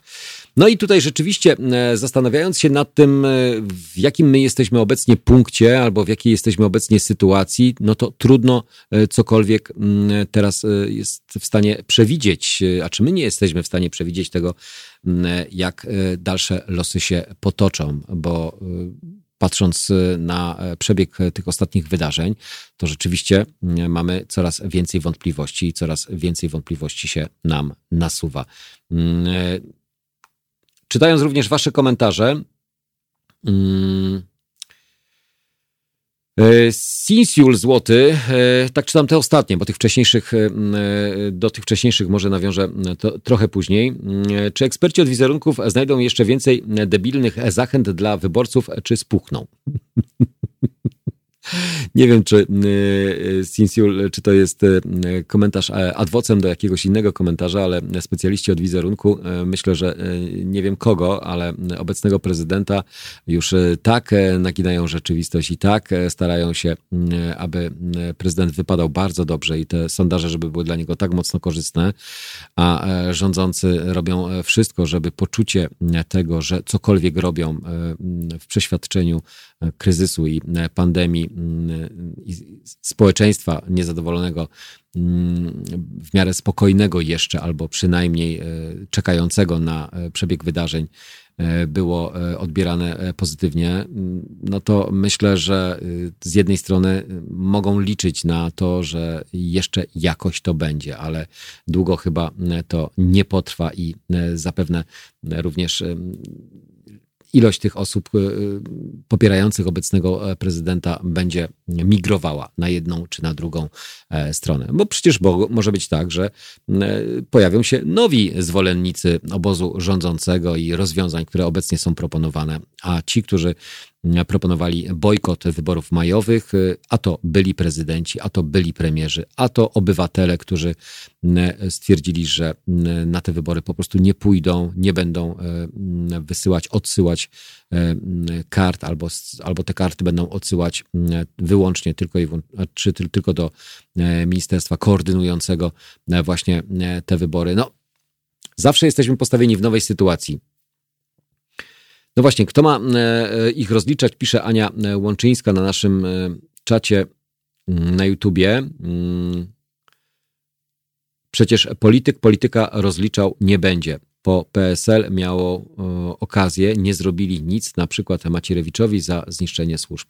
No nikt nikomu nic nie zrobił. Wszelkiego rodzaju próby rozliczeń, polityczne rozliczeń, jak widać, tylko i wyłącznie mają miejsce na, podczas konferencji prasowych. E, mając e, wszystkie mm, instrumenty, mając wszystkie instytucje, jeżeli pretensje byłyby uzasadnione, a wątpliwości potwierdzone jakimikolwiek e, faktami, dokumentami, a nawet jeżeli takowe są i nie są one wykorzystane, to dlaczego tego obóz, e, obecny obóz rządzący tego nie robi wobec poprzedników swoich, zarzucając im e, takie niedbalstwo i takie zaniechania czy niewykonywania pewnych obowiązków e, wobec e, państwa i wobec społeczeństwa. Mm, pewno dlatego, że e, tak to już jest, że tak jak Ania napisała, polityk politykowi krzywdy zrobić nie zrobi. No chyba, że dopiero ktoś do tej polityki wchodzi jeszcze w parlamencie nie funkcjonował.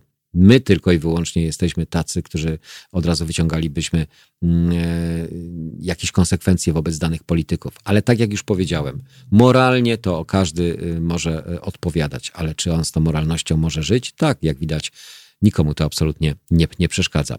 Halo Radio, y, jest godzina 8.52, o 9.15 połączymy się ponownie z naszym korespondentem Zbigniewem Stefanikiem, a jeszcze wrócimy do naszych bieżących komentarzy i wydarzeń z kraju przede wszystkim.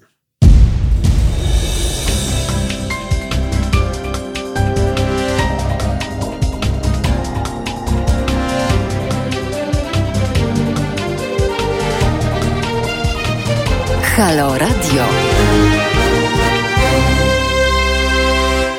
Halo Radio, wracam e, do Was. E, Jacek Zimnik do godziny 10. Jestem e, właśnie po krótkiej lekturze i po wysłuchaniu krótkiego oświadczenia Jarosława Gowina, który wspólnie z politykami porozumienia stanął przed dziennikarzami. Nie wiem dlaczego, ale czy media jakieś publikowały to? No, bo e, jakość e, tego oświadczenia e, nie dość, że krótka, to dość taka klarowna i jasna była na zasadzie podziękowania dla Jarosława Kaczyńskiego, podziękowania za wyrozumiałość i za zrozumienie sytuacji i również oświadczenie albo potwierdzenie tego, że to, co obiecał, oddając tekę wicepremiera i ministra, to dotrzymał, że wybory w maju się nie odbędą.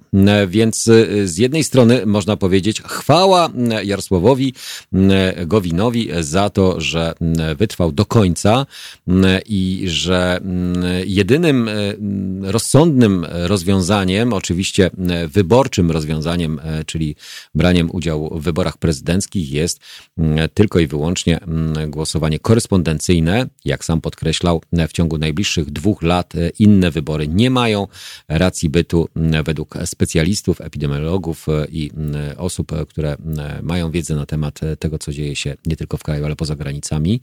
Mm, I to jedyne e, wybory, które mogą normalnie być przeprowadzone, to właśnie korespondencyjne wybory.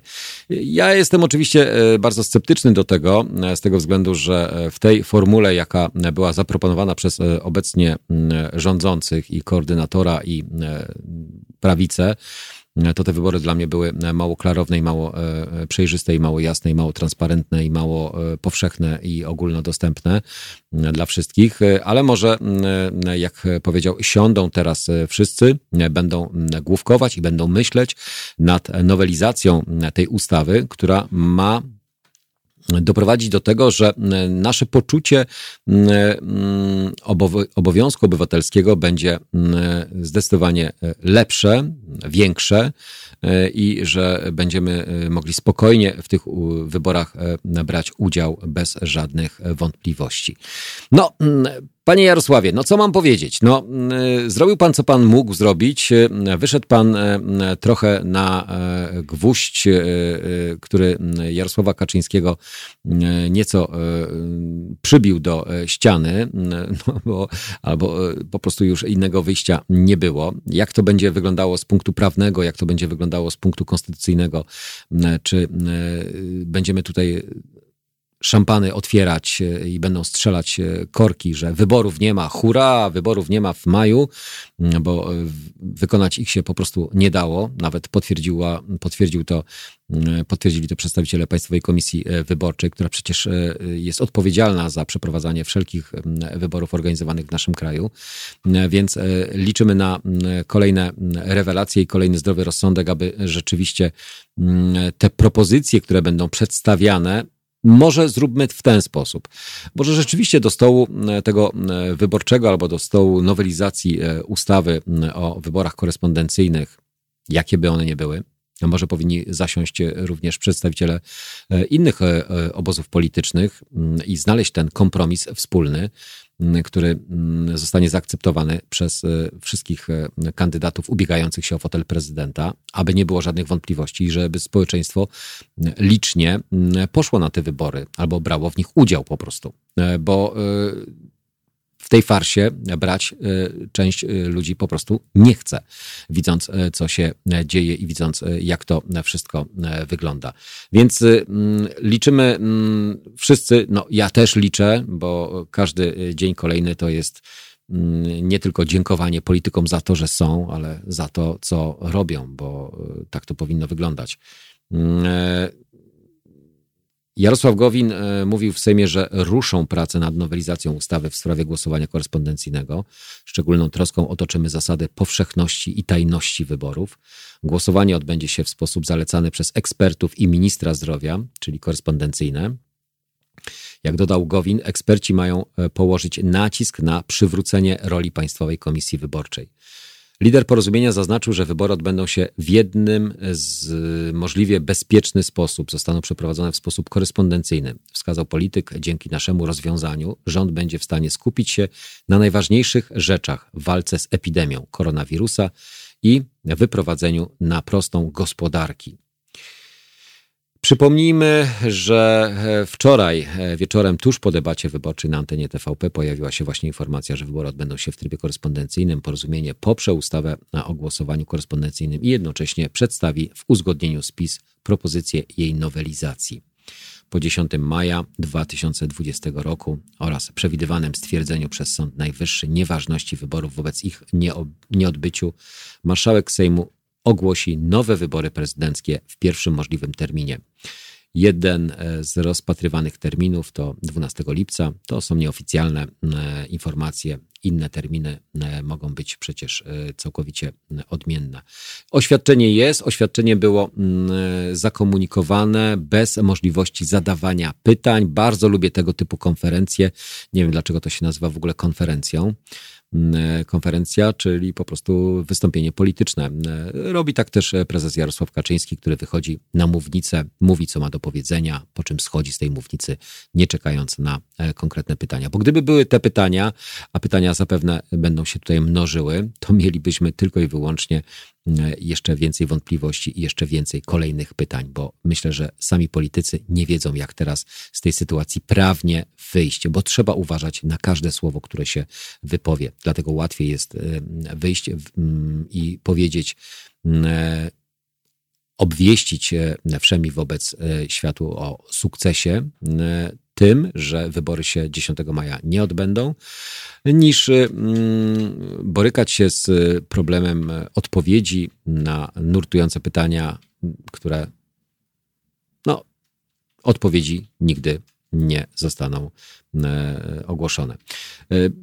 No cóż, panie Jarosławie, myślę, że w kwestii sytuacji politycznej z jednej strony pan nieco się obronił, zapewne pan nie wróci na fotel wicepremiera czy ministra. Chyba pan zdaje sobie z tego absolutnie sprawę. Jakie konsekwencje pan poniesie polityczne? Czy zostanie pan, dostanie pan laury od społeczeństwa, czy baty od Jarosława Kaczyńskiego w późniejszym okresie? Czas pokaże, więc e, też będziemy temu bacznie się e, przyglądać. E, czy słuchaliście mm, wystąpienia, oświadczenia Jarosława mm, Gowina? Jeśli tak, to możecie napisać jakiś komentarz do tego. Mm. O przybitych to co, to, co na to e, Sukienkowi. No nie wiem, co na to Sukienkowi. Sukienkowi pewno e, do tego e, będą się odnosić, że wszystko ma być zgodnie z literą prawa i zachowaniem konstytucji albo zasad funkcjonowania konstytucji. No to czekamy na orzeczenia i specjalistów konstytucyjnych, którzy w tej sprawie zabiorą. Panie Jacku, elektroniki są też szkodliwe. Wiem, że są szkodliwe, ale jakoś sobie z tym trzeba radzić. No niestety, no. Słuchałem Gowina, to aż po prostu musiałem sobie nieco ulżyć. Szkodliwe to jest e, słuchanie polityki, albo szkodliwe jest po prostu angażowanie się w życie polityczne, więc e, jakoś musimy sobie radzić. Każdy ma jakieś e, mankamenty i nikt nie jest czysty, nikt nie jest jak kryształowy, mm, no, banaś na przykład, no tak, bo już tych kryształowców to mieliśmy zdecydowanie więcej, więc każdy myślę, że z nas ma jakiś mankament. Ja oczywiście przyznaję się do tego, walczę z tym. Kiedyś e, wcześniej e, paliłem zwykłe, a teraz no, takie elektroniczne, ale nie elektroniczne, te takie podgrzewane. O, może w ten sposób. Nie będę reklamował firm, bo to też nie o to nam absolutnie chodzi, bo nam nikt za to pieniędzy nie płaci. Ale za to wy y, po części jesteście osobami wspierających, wspierającymi nas, czyli tym, tymi osobami, które słuchając nas dajecie nam poczucie tego, że to, co robimy, ma sens i warto to robić, a z drugiej strony, e, dorzucając do e, naszego woreczka e, każdą cegiełkę w postaci tych monet, które pojawiają się, miliony monet, które pojawiają się na naszych kontach, nasze radio też niech się rozwija i niech prężnie rośnie, jak za czasów poprzedniego systemu. W sile jest nadzieja.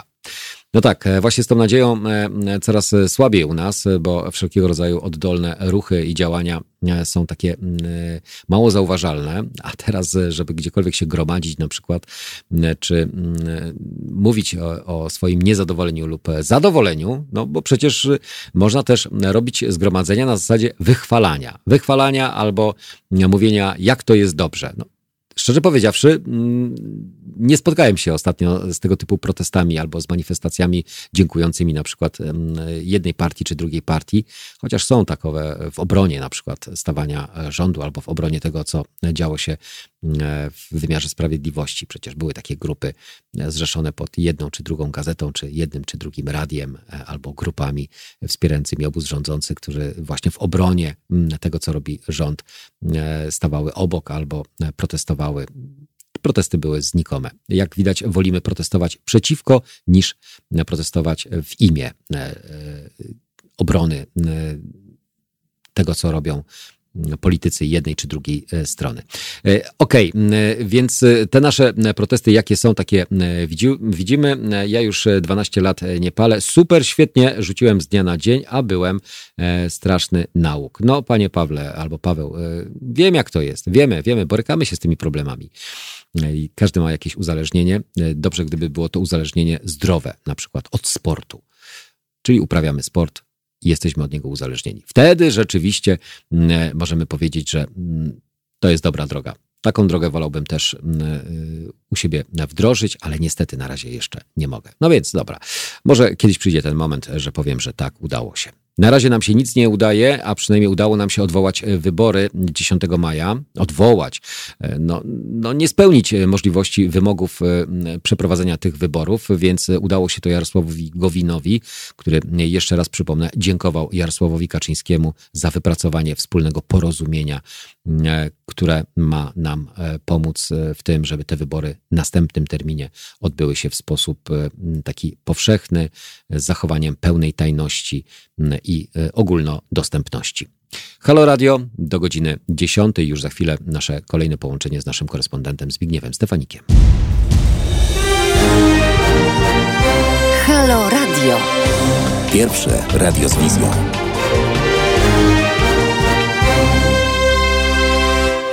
Halo Radio, wracamy do naszego korespondenta Zbigniewa Stefanika, z którym e, zawsze w czwartki i też w poniedziałki e, rozmawiamy na tematy bieżące, na tematy bieżących wydarzeń politycznych.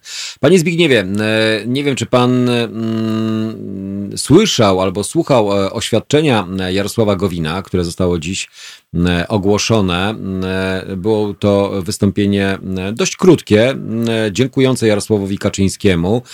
Dzięki skutkujące temu, że znaleziono, znaleziony został kompromis, że Prawo i Sprawiedliwość zgodziło się na taką formułę kompromisu, jak i również potwierdzenie tego, że to, co Jarosław Gowin obiecywał, tego dotrzymał, składając tekę ministra i tekę wicepremiera i że jedyne wybory, które są możliwe do zrealizowania, to wybory oczywiście korespondencyjne, bo w ciągu najbliższych dwóch lat te wybory nie mogą być przeprowadzone w żaden inny sposób.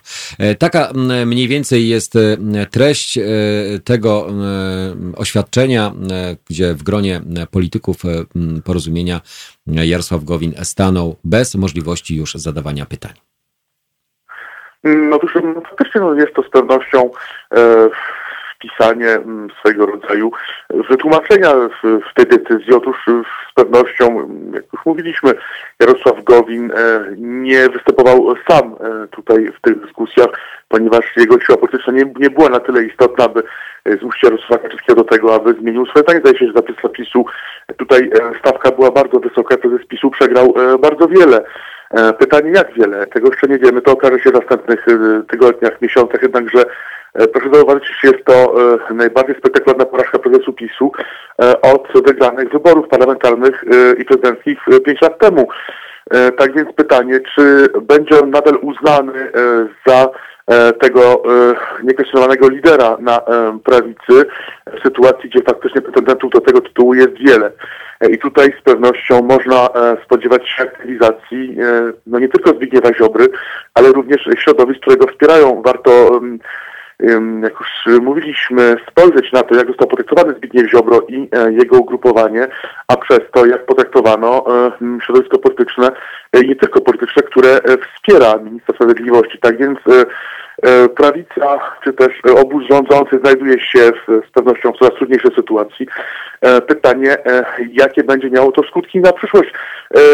Niemniej w tej sytuacji znajduje się rozumiesz, również Platforma Obywatelska, ponieważ faktycznie jej kandydatka nie potrafiła stworzyć dynamicznej kampanii wyborczej. Pytanie jednak, czy jest to kwestia kandydata, e, czy bardziej ugrupowania, które przez no, pięć lat swojego funkcjonowania nie potrafiło stworzyć jakiejś e, formuły, czy też alternatywy dla obecnych rządów, właściwie bazując cały swój przekaz na krytyce i antypisie. Tak więc być może jesteśmy świadkami odejścia w przeszłość spirali nakręcającej się Platforma PiS, jak to nazywali już politolodzy kilka lat temu. Być może więc tworzy się e, jakaś nowa rzeczywistość polityczna na naszych oczach. Jednakże na tym etapie to, co w mojej opinii, e, już nie dziennikarza, ale właściwie obywatela, e, powinno dla nas być najistotniejsze, to fakt, iż faktycznie zdaje się, iż jesteśmy bliżej niż jeszcze kilkanaście godzin temu do tego, aby w Polsce odbyły się wybory zgodne ze standardami przyjętymi w państwie prawa. Ponieważ to tak naprawdę zaważy na przyszłość naszego kraju, to to zaważy na to, jak nasz kraj będzie się sytuował w Europie, ale również e, jak będzie wyglądał nasz kraj e, wewnętrznie. E, tak więc to jest najistotniejsze i jak już mówiłem, najistotniejsze w tym momencie i nawet bardziej od tego, kto te wybory wygra, jest to, aby te wybory były tak zwyczajnie uczciwe. Ponieważ skutki wyborów, mówiąc już kolokwialnie nieuczciwych dla Polski, byłyby gigantyczne, byłyby po prostu tragiczne. E, o nich mówiliśmy trochę, jednakże już nawet nie wspomnę o podziałach społecznych, które one by generowały. Tak więc należy zabiegać o to, aby wybory odbyły się e, w sposób możliwie jak najbardziej e, demokratyczny i spełniający standardy związane z takimi wyborami, a wynik tych wyborów będzie zależał już od głosu wyborców, jak i również od komitetów, które w nich wezmą udział. To banalne oczywiście, co teraz mówię, ale jednak jest to istotne, ale przede wszystkim od frekwencji, ponieważ tutaj na tym etapie ja osobiście e, nie zaryzykowałbym e, próbowania prognozy, co te, kto te wybory wygra. Zdaje się faktycznie, iż w tych wyborach rywalizacja przenosi się tutaj na stronę właściwie Angela Dudy i Władysława Kośniaka-Kamysza. Ci dwaj kandydaci zdają się mają największe obecnie szanse wydaje się w drugiej turze tych wyborów. Z pewnością to, czy prezydent urzędujący będzie E, musiał ubiegać się o reelekcję drugiej turze, to zależy e, od frekwencji wyborczej, jak i od mobilizacji jego elektoratu. E, nie wiemy również, jak będzie wyglądała mobilizacja na prawicy, czyli po stronie obozu rządzącego, ponieważ faktycznie to, co wydarzyło się wczoraj, to, co nie wydarzyło się wczoraj, czyli ten brak obecności Zbigniewa Ziobry przy stole negocjacyjnym, brak jego podpisu, z pewnością spowoduje duży niesmak w części obozu rządzącego. Tak więc pytanie, jak, jak ta część zachowa się? Być może ta część postanowi zagłosować na pana Piotrowskiego, być może wstrzyma się od wyborów, być może um, postanowi jednak zagłosować na Dudy. Tego, tego nie wiemy. Tak więc z pewnością um, ta kwestia związana właśnie z działaniami Zbigniewa Ziobry jego środowiska też jest istotna um, dla wyników e, tych wyborów. Wreszcie nie wiemy tego, czy e, właściwie będziemy mieli ten sam panel kandydatów. Być może faktycznie dojdzie do jakiejś zmiany w obozie Platformy Obywatelskiej czy Koalicji Obywatelskiej, także to nie zmieni zbyt wiele w mojej opinii, jeśli chodzi o wynik wyborczy tego, z tegoż ugrupowania. Panie Zbigniewie, to oczywiście krajowe nasze e, sprawy dotyczące tych zawirowań politycznych, e, mniej więcej e, tyle, ile wiemy, to wiemy. Czekamy na kolejne oczywiście doniesienia i kolejne rewelacje, ale gdybyśmy spojrzeli na to z perspektywy jednak Europy i świata. Europa powoli odmraża albo poluzowuje gospodarczo poszczególne swoje segmenty, sektory w, w gospodarce. WHO ostrzega, że luzowanie wcale nie jest dobrym rozwiązaniem, że e, przed nami jeszcze jesień, e, pojawiają się różnego rodzaju nowe szczepy koronawirusa, które podobno mają być groźniejsze.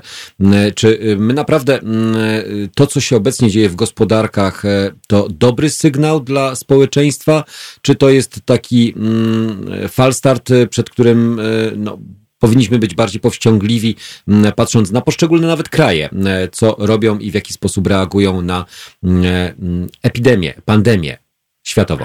E, otóż e, faktycznie, jeśli chodzi o e, stan faktyczny, to w Polsce, we Francji, nie tylko to się, że żyjemy dnia na dzień. Właściwie dostosowujemy swoje decyzje do, do tego, co dzieje się dzisiaj, jutro, czy też być może pojutrze, tak więc Taka sytuacja ma miejsce od e, dwóch, na zachodzie dwóch miesięcy.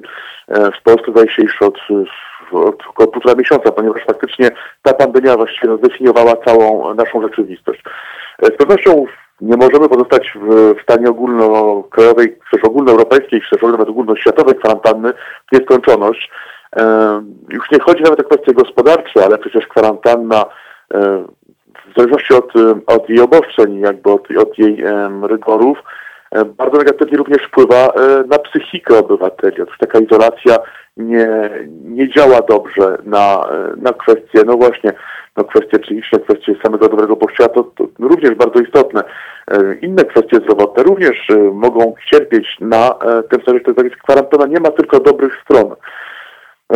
I należy znaleźć tutaj, no właśnie ten złoty środek pomiędzy faktycznie no, potrzebą chronienia się przed ewentualną, no, przez ewentualną drugą falą, e, no i odmrażaniem gospodarki, ale również powrotem do zwyczajnego, normalnego życia. E, obecnie we Francji e, ten dylemat zdaje się faktycznie materializować się, ponieważ we Francji nadal mamy bardzo wysoki poziom osób hospitalizowanych. To jest na stan wczorajszy, na godzinę 20, 24 tysiące osób we Francji jest nadal hospitalizowanych, z czego 3 tysiące ponad znajduje się na intensywnej terapii.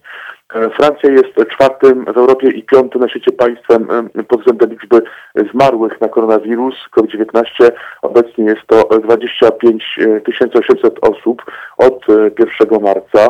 E, tak więc sytuacja bardzo poważna. Mimo to Francja decyduje się na pierwszy etap wychodzenia z kwarantanny, też jak inni eksperci preferują na luzowanie kwarantanny już od 11 maja.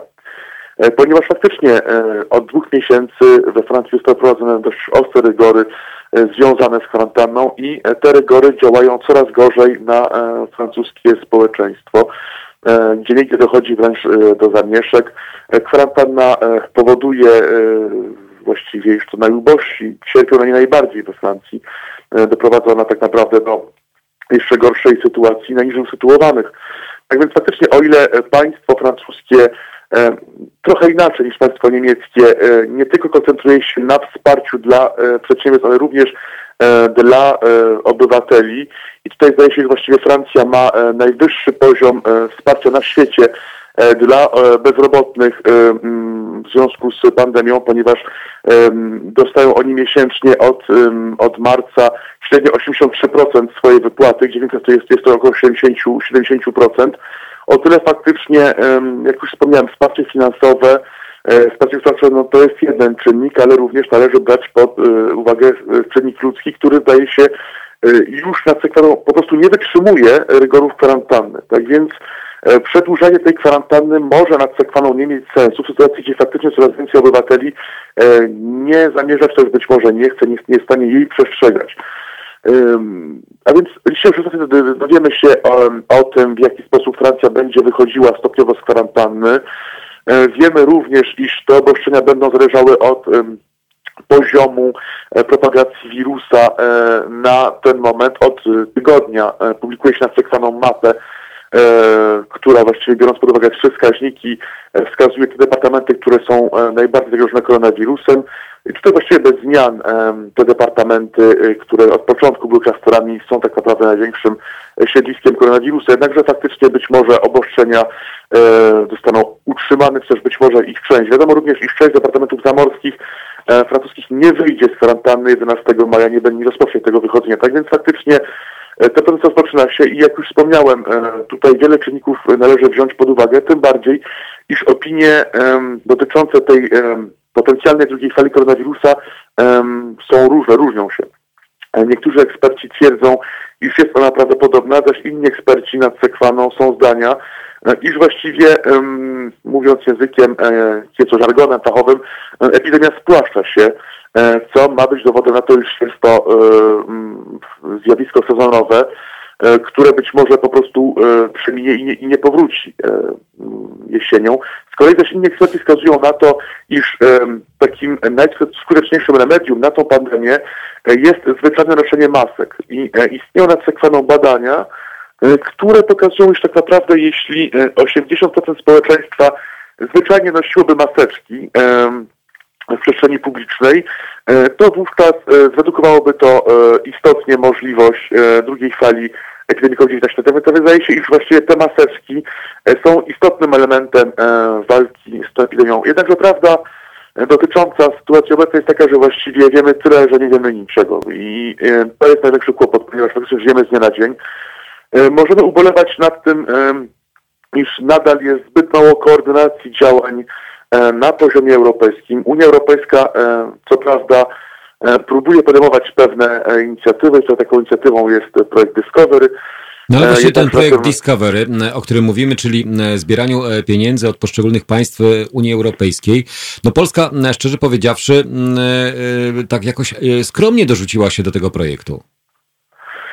Mm, faktycznie, ponieważ no, jest to projekt, który jest, jest inicjatywą Europy Zachodniej, E, samej Europy Zachodniej podzielonej tak naprawdę na tle, e, na tle e, tych badań, ponieważ jeśli chodzi o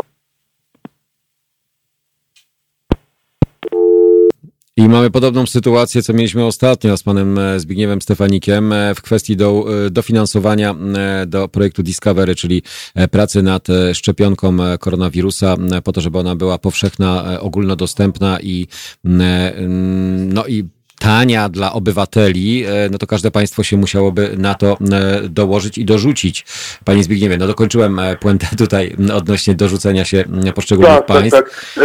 Jednakże tutaj należy brać pod uwagę fakt rywalizacji. Otóż poszczególne państwa rywalizują w dużej mierze między sobą ich, ich, ich ośrodki badawcze. No właśnie w kwestii znalezienia remedium na COVID-19 wiemy również, iż istnieje, istnieje bardzo brutalna rywalizacja pomiędzy Chinami a USA w tej kwestii. Tak więc tutaj ta pandemia wykazała, iż Unia Europejska e, nie jest tak zjednoczona, jak można by się było tego spodziewać, e, mówiąc najdelikatniej, jak również poszczególne zachowania. Ja jestem osobą żyjącą na pograniczu francusko-niemieckim. E, osobiście byłem zbulwersowany nierzadko, obserwując zachowania poszczególnych ludzi z dwóch stron granicy, no, którzy naprawdę zdawali się wykazywać no dość nieracjonalnym e, zachowaniem. E, w sytuacji, gdzie faktycznie przecież e, granica francusko-niemiecka jest otwarta od 30 lat, a tak naprawdę wiele obywateli zarówno Francji i Niemiec po prostu nigdy nie doznało w życiu żadnej granicy, ponieważ urodzili się oni już po 92 roku, czyli po przyjęciu traktatu z Maastricht. To więc sama ta pandemia ujawnia wiele dysfunkcji w Unii Europejskiej, jak również ujawnia ona zachowania, no, które nie świadczą o tym, iż Europejczycy czują się zintegrowani, ponieważ Pokazuje ona, że tak naprawdę Francuzi są Francuzami, Niemcy Niemcami, e, Polacy e, Polakami i tak dalej. Właściwie każde państwo działa na własną rękę. Jednak to właściwie jest prostą drogą do zguby, ponieważ faktycznie e, czym jest Francja, czym są Niemcy, czym jest Polska w obliczu działań USA, Chin i innych mocarstw. Tak więc tutaj jedyna szansa dla Europy, aby nie stać się zakładnikiem i petentem E, w sytuacji, gdzie jedno z tych mocarstw znajdzie szczepionkę, to właśnie prowadzić swoje własne badania nad tą szczepionką e, i e, w tym wariancie optymalnym ją zwyczajnie wynaleźć. Ponieważ faktycznie jeśli tą szczepionkę stworzą, wyprodukują Amerykanie czy Chińczycy, to Europa będzie zwyczajnym petentem politycznym i gospodarczym i stanie się nie, niejako zakładnikiem gospodarczym, politycznym tychże mocarstw. Tak więc z pewnością tutaj siła wyłącznie w Unii tak naprawdę, wyłącznie w jedności, na przykład jedności da się doprowadzić. Wiadomo, że Unia Europejska przyjmuje pewne rozwiązania gospodarcze, wiemy o wielkości programie gospodarczym wartym 500 miliardów euro ponad, który ma wspierać gospodarki Unii Europejskiej. Wiadomo również o inicjatywach, które mają wspierać walkę z koronawirusem w Afryce. O tym nie mówi się zbyt wiele, ale tam również e, pandemia się rozwija e, i no właśnie e, to z Afryki jest zagrożenie nadejście tej drugiej fali, potencjalnie nadejście drugiej fali. Tak więc walka z koronawirusem w Afryce no jest kwestią zasadniczą nie tylko dla mieszkańców kontynentu, ale również dla Europejczyków, ponieważ faktycznie, jak już wspomniałem, propagacja koronawirusa w Afryce może doprowadzić do drugiej fali w Europie. To wszystko jest właściwie w planach. Europa ma dużo różnych planów, jednak trudniej z realizacją. I to właśnie jest kłopot y, obecnej Unii Europejskiej. Pytanie więc, jaki będzie y, finał, czy jaki będzie rozwój sytuacji? Czy faktycznie koncerny poszczególnych państw francuskie, niemieckie będą działały na własną rękę i szukały, badały, wprowadziły swoje badania w celu znalezienia szczepionki? Czy też faktycznie to będzie na jakimś etapie na podstawie prawnej Discovery, czy jakiejś innej podstawie mm -hmm. prawnej do stworzenia inicjatywy europejskiej na rzecz nie tylko walki z pandemią, ale no właśnie e, walki z jej skutkami. Tego nie wiemy, jednakże faktycznie zachowania poszczególnych, e, poszczególnych osób, warto to podkreślić, ja jako osoba żyjąca na pograniczu stwierdzam, iż faktycznie kryzys ujawnił e, w wielu, w wielu osobach, no to wszystko co najgorsze, Pytanie, czy uda się tym razem ujawnić to wszystko, co najlepsze. Co najlepsze. Dziękuję bardzo Panie Zbigniewie. E, nasz korespondent e, ze Strasburga, Zbigniew Stefanik, e, z cotygodniowymi komentarzami, nie tylko dotyczącymi kraju, ale również tego, co dzieje się za granicą. Miłego dnia życzę. Dziękuję bardzo. Tyle zdrowia życzę. No właśnie, a my pozostajemy e, już e, prawie w ostatniej części e, naszego halo radiowego poranka.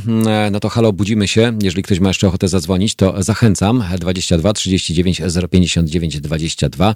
Jesteśmy już po oświadczeniu. Czeka nas jeszcze dziś sejmowa batalia wokół ustawy, która wiadomo, że przejdzie. Chociaż, moi drodzy, nigdy nic nie wiadomo w polityce, to wszystko się może przecież wydarzyć i wywrócić jeszcze do góry nogami wyborami. Ale aczkolwiek e, bądźmy dobrej myśli, na pewno wybory 10 maja odbyć się nie będą. E, no, się nie odbędą.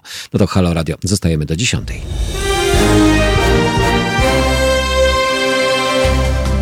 Halo Radio. Pierwsze medium obywatelskie.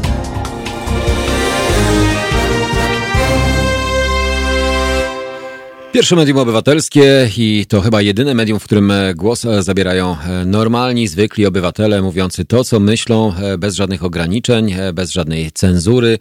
Mm, można do nas pisać, można do nas dzwonić, można wysyłać do nas również maile, a przede wszystkim można nas wspierać. No, z tym wspieraniem to uwaga, to nie w kwestii naszego medium obywatelskiego, ale wspieraniem innych instytucji. Taka mm, opowieść dotycząca kolejnych wydatków z budżetu, albo przynajmniej pieniędzy, które wydawane są i marnotrawione, a to e, w cieniu potrzeb i to ogromnych potrzeb. Mowa oczywiście o e, znamienitym ojcu prowadzącym, e, czyli Tadeuszu Rydzyku, który uznał, że Muzeum Pamięci i Tożsamości, które od roku jest budowane w Toruniu, dzięki 117 milionom złotych pieniędzy podatników, powstanie, uwaga, ekspozycja skupiająca się na działalności osób, dzięki którym Polska jest katolicka. Znaczna część tej wystawy ma zostać poświęcona, uwaga, rodzinie Radia Maryja i dziełom powstałym z inicjatywy ojca Rydzyka. E, informacja jest o tyle interesująca, że jest apel o przesyłanie zdjęć, świadectw i dokumentów, które zostaną umieszczone w specjalnej ekspozycji. Zaapelował sam e, ojciec Tadeusz. Ministerstwo Kultury w odpowiedzi na pytanie o tę sprawę zasłania się oczywiście Janem Pawłem II. Resort uważa też, że skoro PiS wygrał wybory, to ma demokratyczną legitymację do sfinansowania takiej budowy z publicznych funduszy, czyli z Twoich, moich, z naszych pieniędzy, które mogłyby być przeznaczone na całkowicie coś innego. W toruńskim porcie drzewnym jeszcze do niedawna redemptoryści mieli tylko swoją uczelnię i prowadzili odwierty geotermalne za pieniądze, czyje? Nasze. Potem wybudowali w pobliżu monumentalny kościół, którego e, zakonnikom mogą zazdrościć prawie wszystkie parafie w kraju oraz księgarnie mm, e, z kawiarnią. Pomysłów e, mieli jednak znacznie więcej, tylko pieniędzy mało, więc wyciągnęli rękę do rządu Prawa i Sprawiedliwości. Ten rękami wojewody w 2017 przyznał im po bardzo atrakcyjnej cenie w użytkowanie wieczyste spore nieruchomości w, Pols w porcie drzewnym. W drodze wyjątku wszystko odbyło się bez przetargu. Okazało się, że procedury, które niejednokrotnie zajmują miesiące, da się załatwić dosłownie w kilkanaście dni, a dokładnie 11. E, po tym, e, jak wyjątkowo szybkość i niejasny charakter tego e, przejęcia gruntów opi opisywały portale, poseł z Platformy Obywatelskiej zgłosił sprawę do Centralnego Biura Antykorupcyjnego. Po analizie dokumentów bydgoscy funkcjonariusze nie mieli żadnych wątpliwości, że nie doszło do jakiegokolwiek złamania prawa. Na działkach zakonnicy chcieli utworzyć muzeum. Władze nie miały pojęcia, jakiej idei miało być poświęcone to muzeum, ale i tak przyznały im te grunty oraz Park Pamięci. O polityce i zapisywaniu się w historii Polski nie było wtedy jeszcze w ogóle mowy. Park mieli najpierw ufundować słuchacze i widzowie e, wspomnianej e, telewizji i radia, no a potem Fundacja Lux Veritatis, e, której ryzyk jest prezesem. E, starała się o dofinansowanie na niego z publicznych środków. Ostatecznie i tak sfinansuje go rząd z pieniędzy podatników bez konkursów i innych niepotrzebnych procedur. Przyznanie dotacji odbyło się po cichu. W lipcu ubiegłego roku e, mm, portal Okopres odkrył, że 10 miesięcy wcześniej premier Mateusz Morawiecki przeznaczył na ten park 5 milionów złotych z rezerwy budżetowej. Krótko potem czytelnicy portalu mm, e, przypadkowo mm, e, odnaleźli informację, że na tym się nie skończyło i Morawiecki dorzucił potem jeszcze kolejne 3 miliony. Zarządzeń e, szefa rządu w tej sprawie nie było na stronie monitora polskiego. Budowa parku e, zbliża się e, ku końcowi, natomiast historia muzeum jest e, no, tutaj nieco bardziej skomplikowana. Muzeum Rydzyka, no bo tak chyba można je nazwać, jak się nieoficjalnie nazywa, w zamyśle miało przedstawiać historię chrześcijaństwa w Polsce i spuściznę Jana Pawła II, a w czerwcu roku 18 resort kultury, na którego czele stoi oczywiście Piotr Gliński, obiecał przeznaczyć na ten cel kolejne miliony, tym razem 70 milionów. Miały zostać przekazane w trzech transzach, a muzeum miało być gotowe w roku 2020. Ministerstwo Kultury nie odpowiadało wtedy na żadne pytania dziennikarzy o to dofinansowanie, mimo że przepisy nakładało na nie taki obowiązek i chodziło przecież o pieniądze państwowe, czyli po części nasze. W medialnych doniesieniach o muzeum zaczął pojawiać się Andrzej Jaworski, dawniej poseł PiS, trzech kadencji i trzykrotny kandydat PiSu na prezydenta Gdańska. Był już wtedy przewodniczącym utworzonej przez redemptorystów Rady Instytutu imienia świętego Jana Pawła II, gdy posłowie Cezary Tomczyk i Marcin Kierwiński nazwali dofinansowanie z ministerstwa polityczną korupcją i spłaceniem przez PiS długu wdzięczności wobec ryzyka. Jaworski doniósł na nich do prokuratury który już wtedy stał się jednym z najzagorzalszych obrońców tej inicjatywy. To e, nie jest żadna polityczna korupcja czy spłacanie długów, to tylko i wyłącznie chęć zaszkodzenia przez PO kolejnym akcjom, które mają wprowadzić w Polsce normalność, mają uczyć patriotyzmu oraz tolerancji. O żadnym upamiętnianiu Radia Maryja w muzeum nie było wtedy absolutnie mowy. Już w 18 roku nadano mu nazwę Pamięć i Tożsamość, czyli taką jak ostatnia książka polskiego papieża. Do jego oferty dołączono uczenie pamięci Polaków, którzy ratowali Żydów w czasie II wojny. Rząd nie zwraca zwraca uwagi, że radio mm, e, wielokrotnie było posądzane o antysemityzm i że w 2007 roku wyciekły do mediów taśmy ryzyka, na którym miał nazwać ówczesnego prezydenta Lecha Kaczyńskiego oszustem ulegającym żydowskiemu lobby. Z perspektywy opinii publicznej mm, włączenie sprawy polsko-żydowskiej do inicjatywy okazało się ważne z dwóch powodów. Po pierwsze, rząd miał usprawiedliwienie na przekazanie gigantycznej kwoty na ten cel ojcu Rydzykowi i jego współpracownikom. Muzeum Pamięci i Tożsamości wypełni istotną lukę w naszej ofercie muzealnej, którą wciąż w niedostatecznym stopniu obejmuje zarówno aksjologię Jana Pawła II, jak i kwestie relacji polsko-żydowskich w czasie II wojny światowej, twierdził wówczas minister Gliński. Po drugie, dzięki temu można było tłumaczyć, że rodzina Radia Maryja też wnosi do niego swój wkład. Mają nim być materiały o znaczeniu historycznym, przede wszystkim wywiady wideo z różnymi ludźmi na temat ratowania Żydów przez Polaków. W ostatnich latach przeprowadzały je osoby związane właśnie z wspomnianym radiem. Jak obliczyła Gazeta Wyborcza, takich nagrań zebrano łącznie 725 godzin. Wyceniono, uwaga, je w taki sposób, że wielu e, po prostu nawet nie dowierzało i przycierało oczy. Minuta nagrania była warta około 1000 złotych. Same nagrania wideo miały rzekomo być warte 43,5 miliona złotych. Do tego dodano 1323 godzin nagrań dźwiękowych za 23,8 tysięcy miliona złotych, wycenionych po około 300 złotych za minutę i między innymi pamiątki historyczne. Wielu pukało się wówczas w głowę, spoglądając na te wyceny, ale w ten sposób oszacowano, że Fundacja Lux Veritatis wniesie do muzeum wkład o wartości 88 milionów złotych. Można było mówić, że da więcej niż 70 milionów, które obiecał przecież rząd. Tyle, że e, nawet e, taka kwota okazała się zbyt skromna. Mm, nie mogło e, znaleźć się wykonawcy muzeum. O podpisaniu umowy na budowę poinformowano dopiero w kwietniu roku poprzedniego. Sęk w tym, że nie za 70 milionów, tylko za 144 miliony złotych brutto. Rząd znów nabrał wody w usta i długo nie chciał przyznać, że zwiększył publiczną dotację na ten cel do 117 milionów złotych. Datę ostatecznego oddania muzeum przesunięto na wiosnę 2021 roku. Budowę mm, podjęła e, się spółka Rafako, producent kotłów ze światowej czołówki, należy do grupy PBG, w której e, skład wchodzą m.in. PKO Bank Polski oraz PKO SA. Budowa niemal od razu ruszyła i muzeum stopniowo pięło się w górę. Dziś między kościołem redemptorystów a ich uczelnią widać okazałe budowle, które za rok mają stanowić muzeum. Tyle, że teraz w połowie budowy pojawiła się kwestia, która rodzi wiele pytań o to, po co w ogóle powstaje ten obiekt, co znajdzie się w muzeum. W tym tygodniu na internetowej stronie radia pojawiła się informacja o tym, że w Muzeum Pamięci i Tożsamości jedna z ekspozycji zostanie poświęcona działalności osób, dzięki którym Polska pozostaje krajem katolickim. W jej treści nie było mowy o takich postaciach jak na przykład Stefan Wyszyński czy Jerzy Popiełuszko. Na pierwszym plan wysunięto rodzinę Radia Maryja, jakby to jej w dużej mierze można było zawdzięczać katolicyzm w Polsce. E, oto fragment tej informacji. Rusza zbiórka świadectw osób, które budowały Solidarność, kościoły i wspólnoty parafialne w PRL-u, a także współtworzący rodzinę Radia Maryja. Toruńska placówka będzie prezentowała historię Polski od chrześcijańskich jej początków po współczesność. W ramach prezentacji najnowszej historii przedstawione zostaną informacje m.in. osób tworzących radiową rodzinę o przesyłanie zdjęć i relacji sprawdzian, e, sprawozdań, które mają zostać umieszczone w muzeum, zaapelowali Andrzej Jaworski oraz Tadeusz Rydzyk. Ten ostatni stwierdził nawet, że w muzeum trzeba upamiętnić ludzi, którzy walczyli o koncesję dla założonych przez niego mediów Radia Maryja.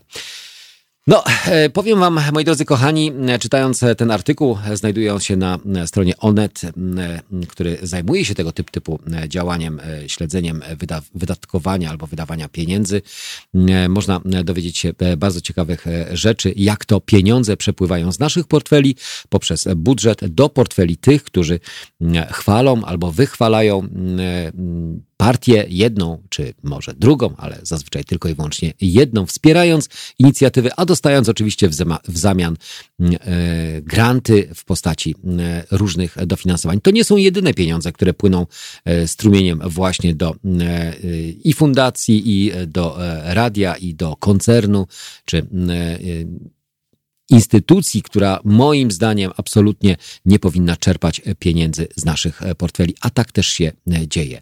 No więc jaka ocena? Myślę, że negatywna. Mm, a czy coś z tym się da zrobić? Myślę, że nie. Przez najbliższe lata i przez najbliższe działania obecnego obozu rządzącego e, sytuacja będzie niezmienna, aczkolwiek informacja taka zawsze powinna być przekazywana, nawet na naszej antenie haloradiowej. My też zbieramy, ale my mm, przynajmniej robimy to uczciwie i nie pobieramy pieniędzy z budżetu. Każdy, kto wpłaca pieniądze, ma świadomość tego, na co je robi i w jaki sposób one są pożytkowane. Więc dziękuję wszystkim tym, którzy przyczyniają się mm, do tego, że wolicie wybierać nas niż inne medium, pozostając z nami każdego dnia, słuchając naszych audycji i słuchając tego, o czym rozmawiamy. Dziś sporo było na temat bieżących wydarzeń politycznych i tego też pewno nie zabraknie w ciągu dnia, więc e, pozostańcie Słuchajcie, wspierajcie, dzwońcie, kontaktujcie się, bądźcie z nami, bądźcie haloradiowcami, takimi jak jesteśmy my, każdego dnia, no i jeszcze dłużej. Życzę Wam spokojnego dzisiejszego dnia. Dziękuję Piotrowi za realizację, dziękuję słuchaczom za to, że byliście i tym, którzy nas oglądali. Pozdrawiam Was serdecznie. Trzymajcie się. Do zobaczenia i do usłyszenia. Dzień dobry, nazywam się Kuba Wątły. Jestem pomysłodawcą projektu Haloradia, pierwszego w Polsce w pełni profesjonalnego medium dla obywateli. Dla niektórych z Państwa jestem też ojcem dyrektorem, chyba dlatego, że czasami udzielam się w naszych programach nagle i z zaskoczenia. I dobrze, wszak dobre toruńskie wzorce są zawsze w cenie, no poza tym jednym. Pan Rydzyk gromadzi pieniądze, by nas dzielić i z czasem doprowadzić do wojny domowej na tle religijnym. My prosimy natomiast Państwa o wsparcie, by móc z Wami rozmawiać, by wspólnie się uczyć, by tolerancję zastąpiła akceptacja. Zauważyliście, jak różne są te dwa słowa? Akceptujmy siebie i akceptujmy to, że po 30 latach, od 1989 roku, tylko dzięki państwu możemy tworzyć medium bez udziału polityków i nie na pasku korporacji. Pamiętajcie o nas codziennie. I jeśli chcecie być częścią naszej społeczności, to słuchajcie, oglądajcie, piszcie, mówcie i finansujcie swój obywatelski projekt Halo Radia. www.halo.radio ukośnik SOS. Dziękuję w imieniu wszystkich dziennikarzy i swoim własnym.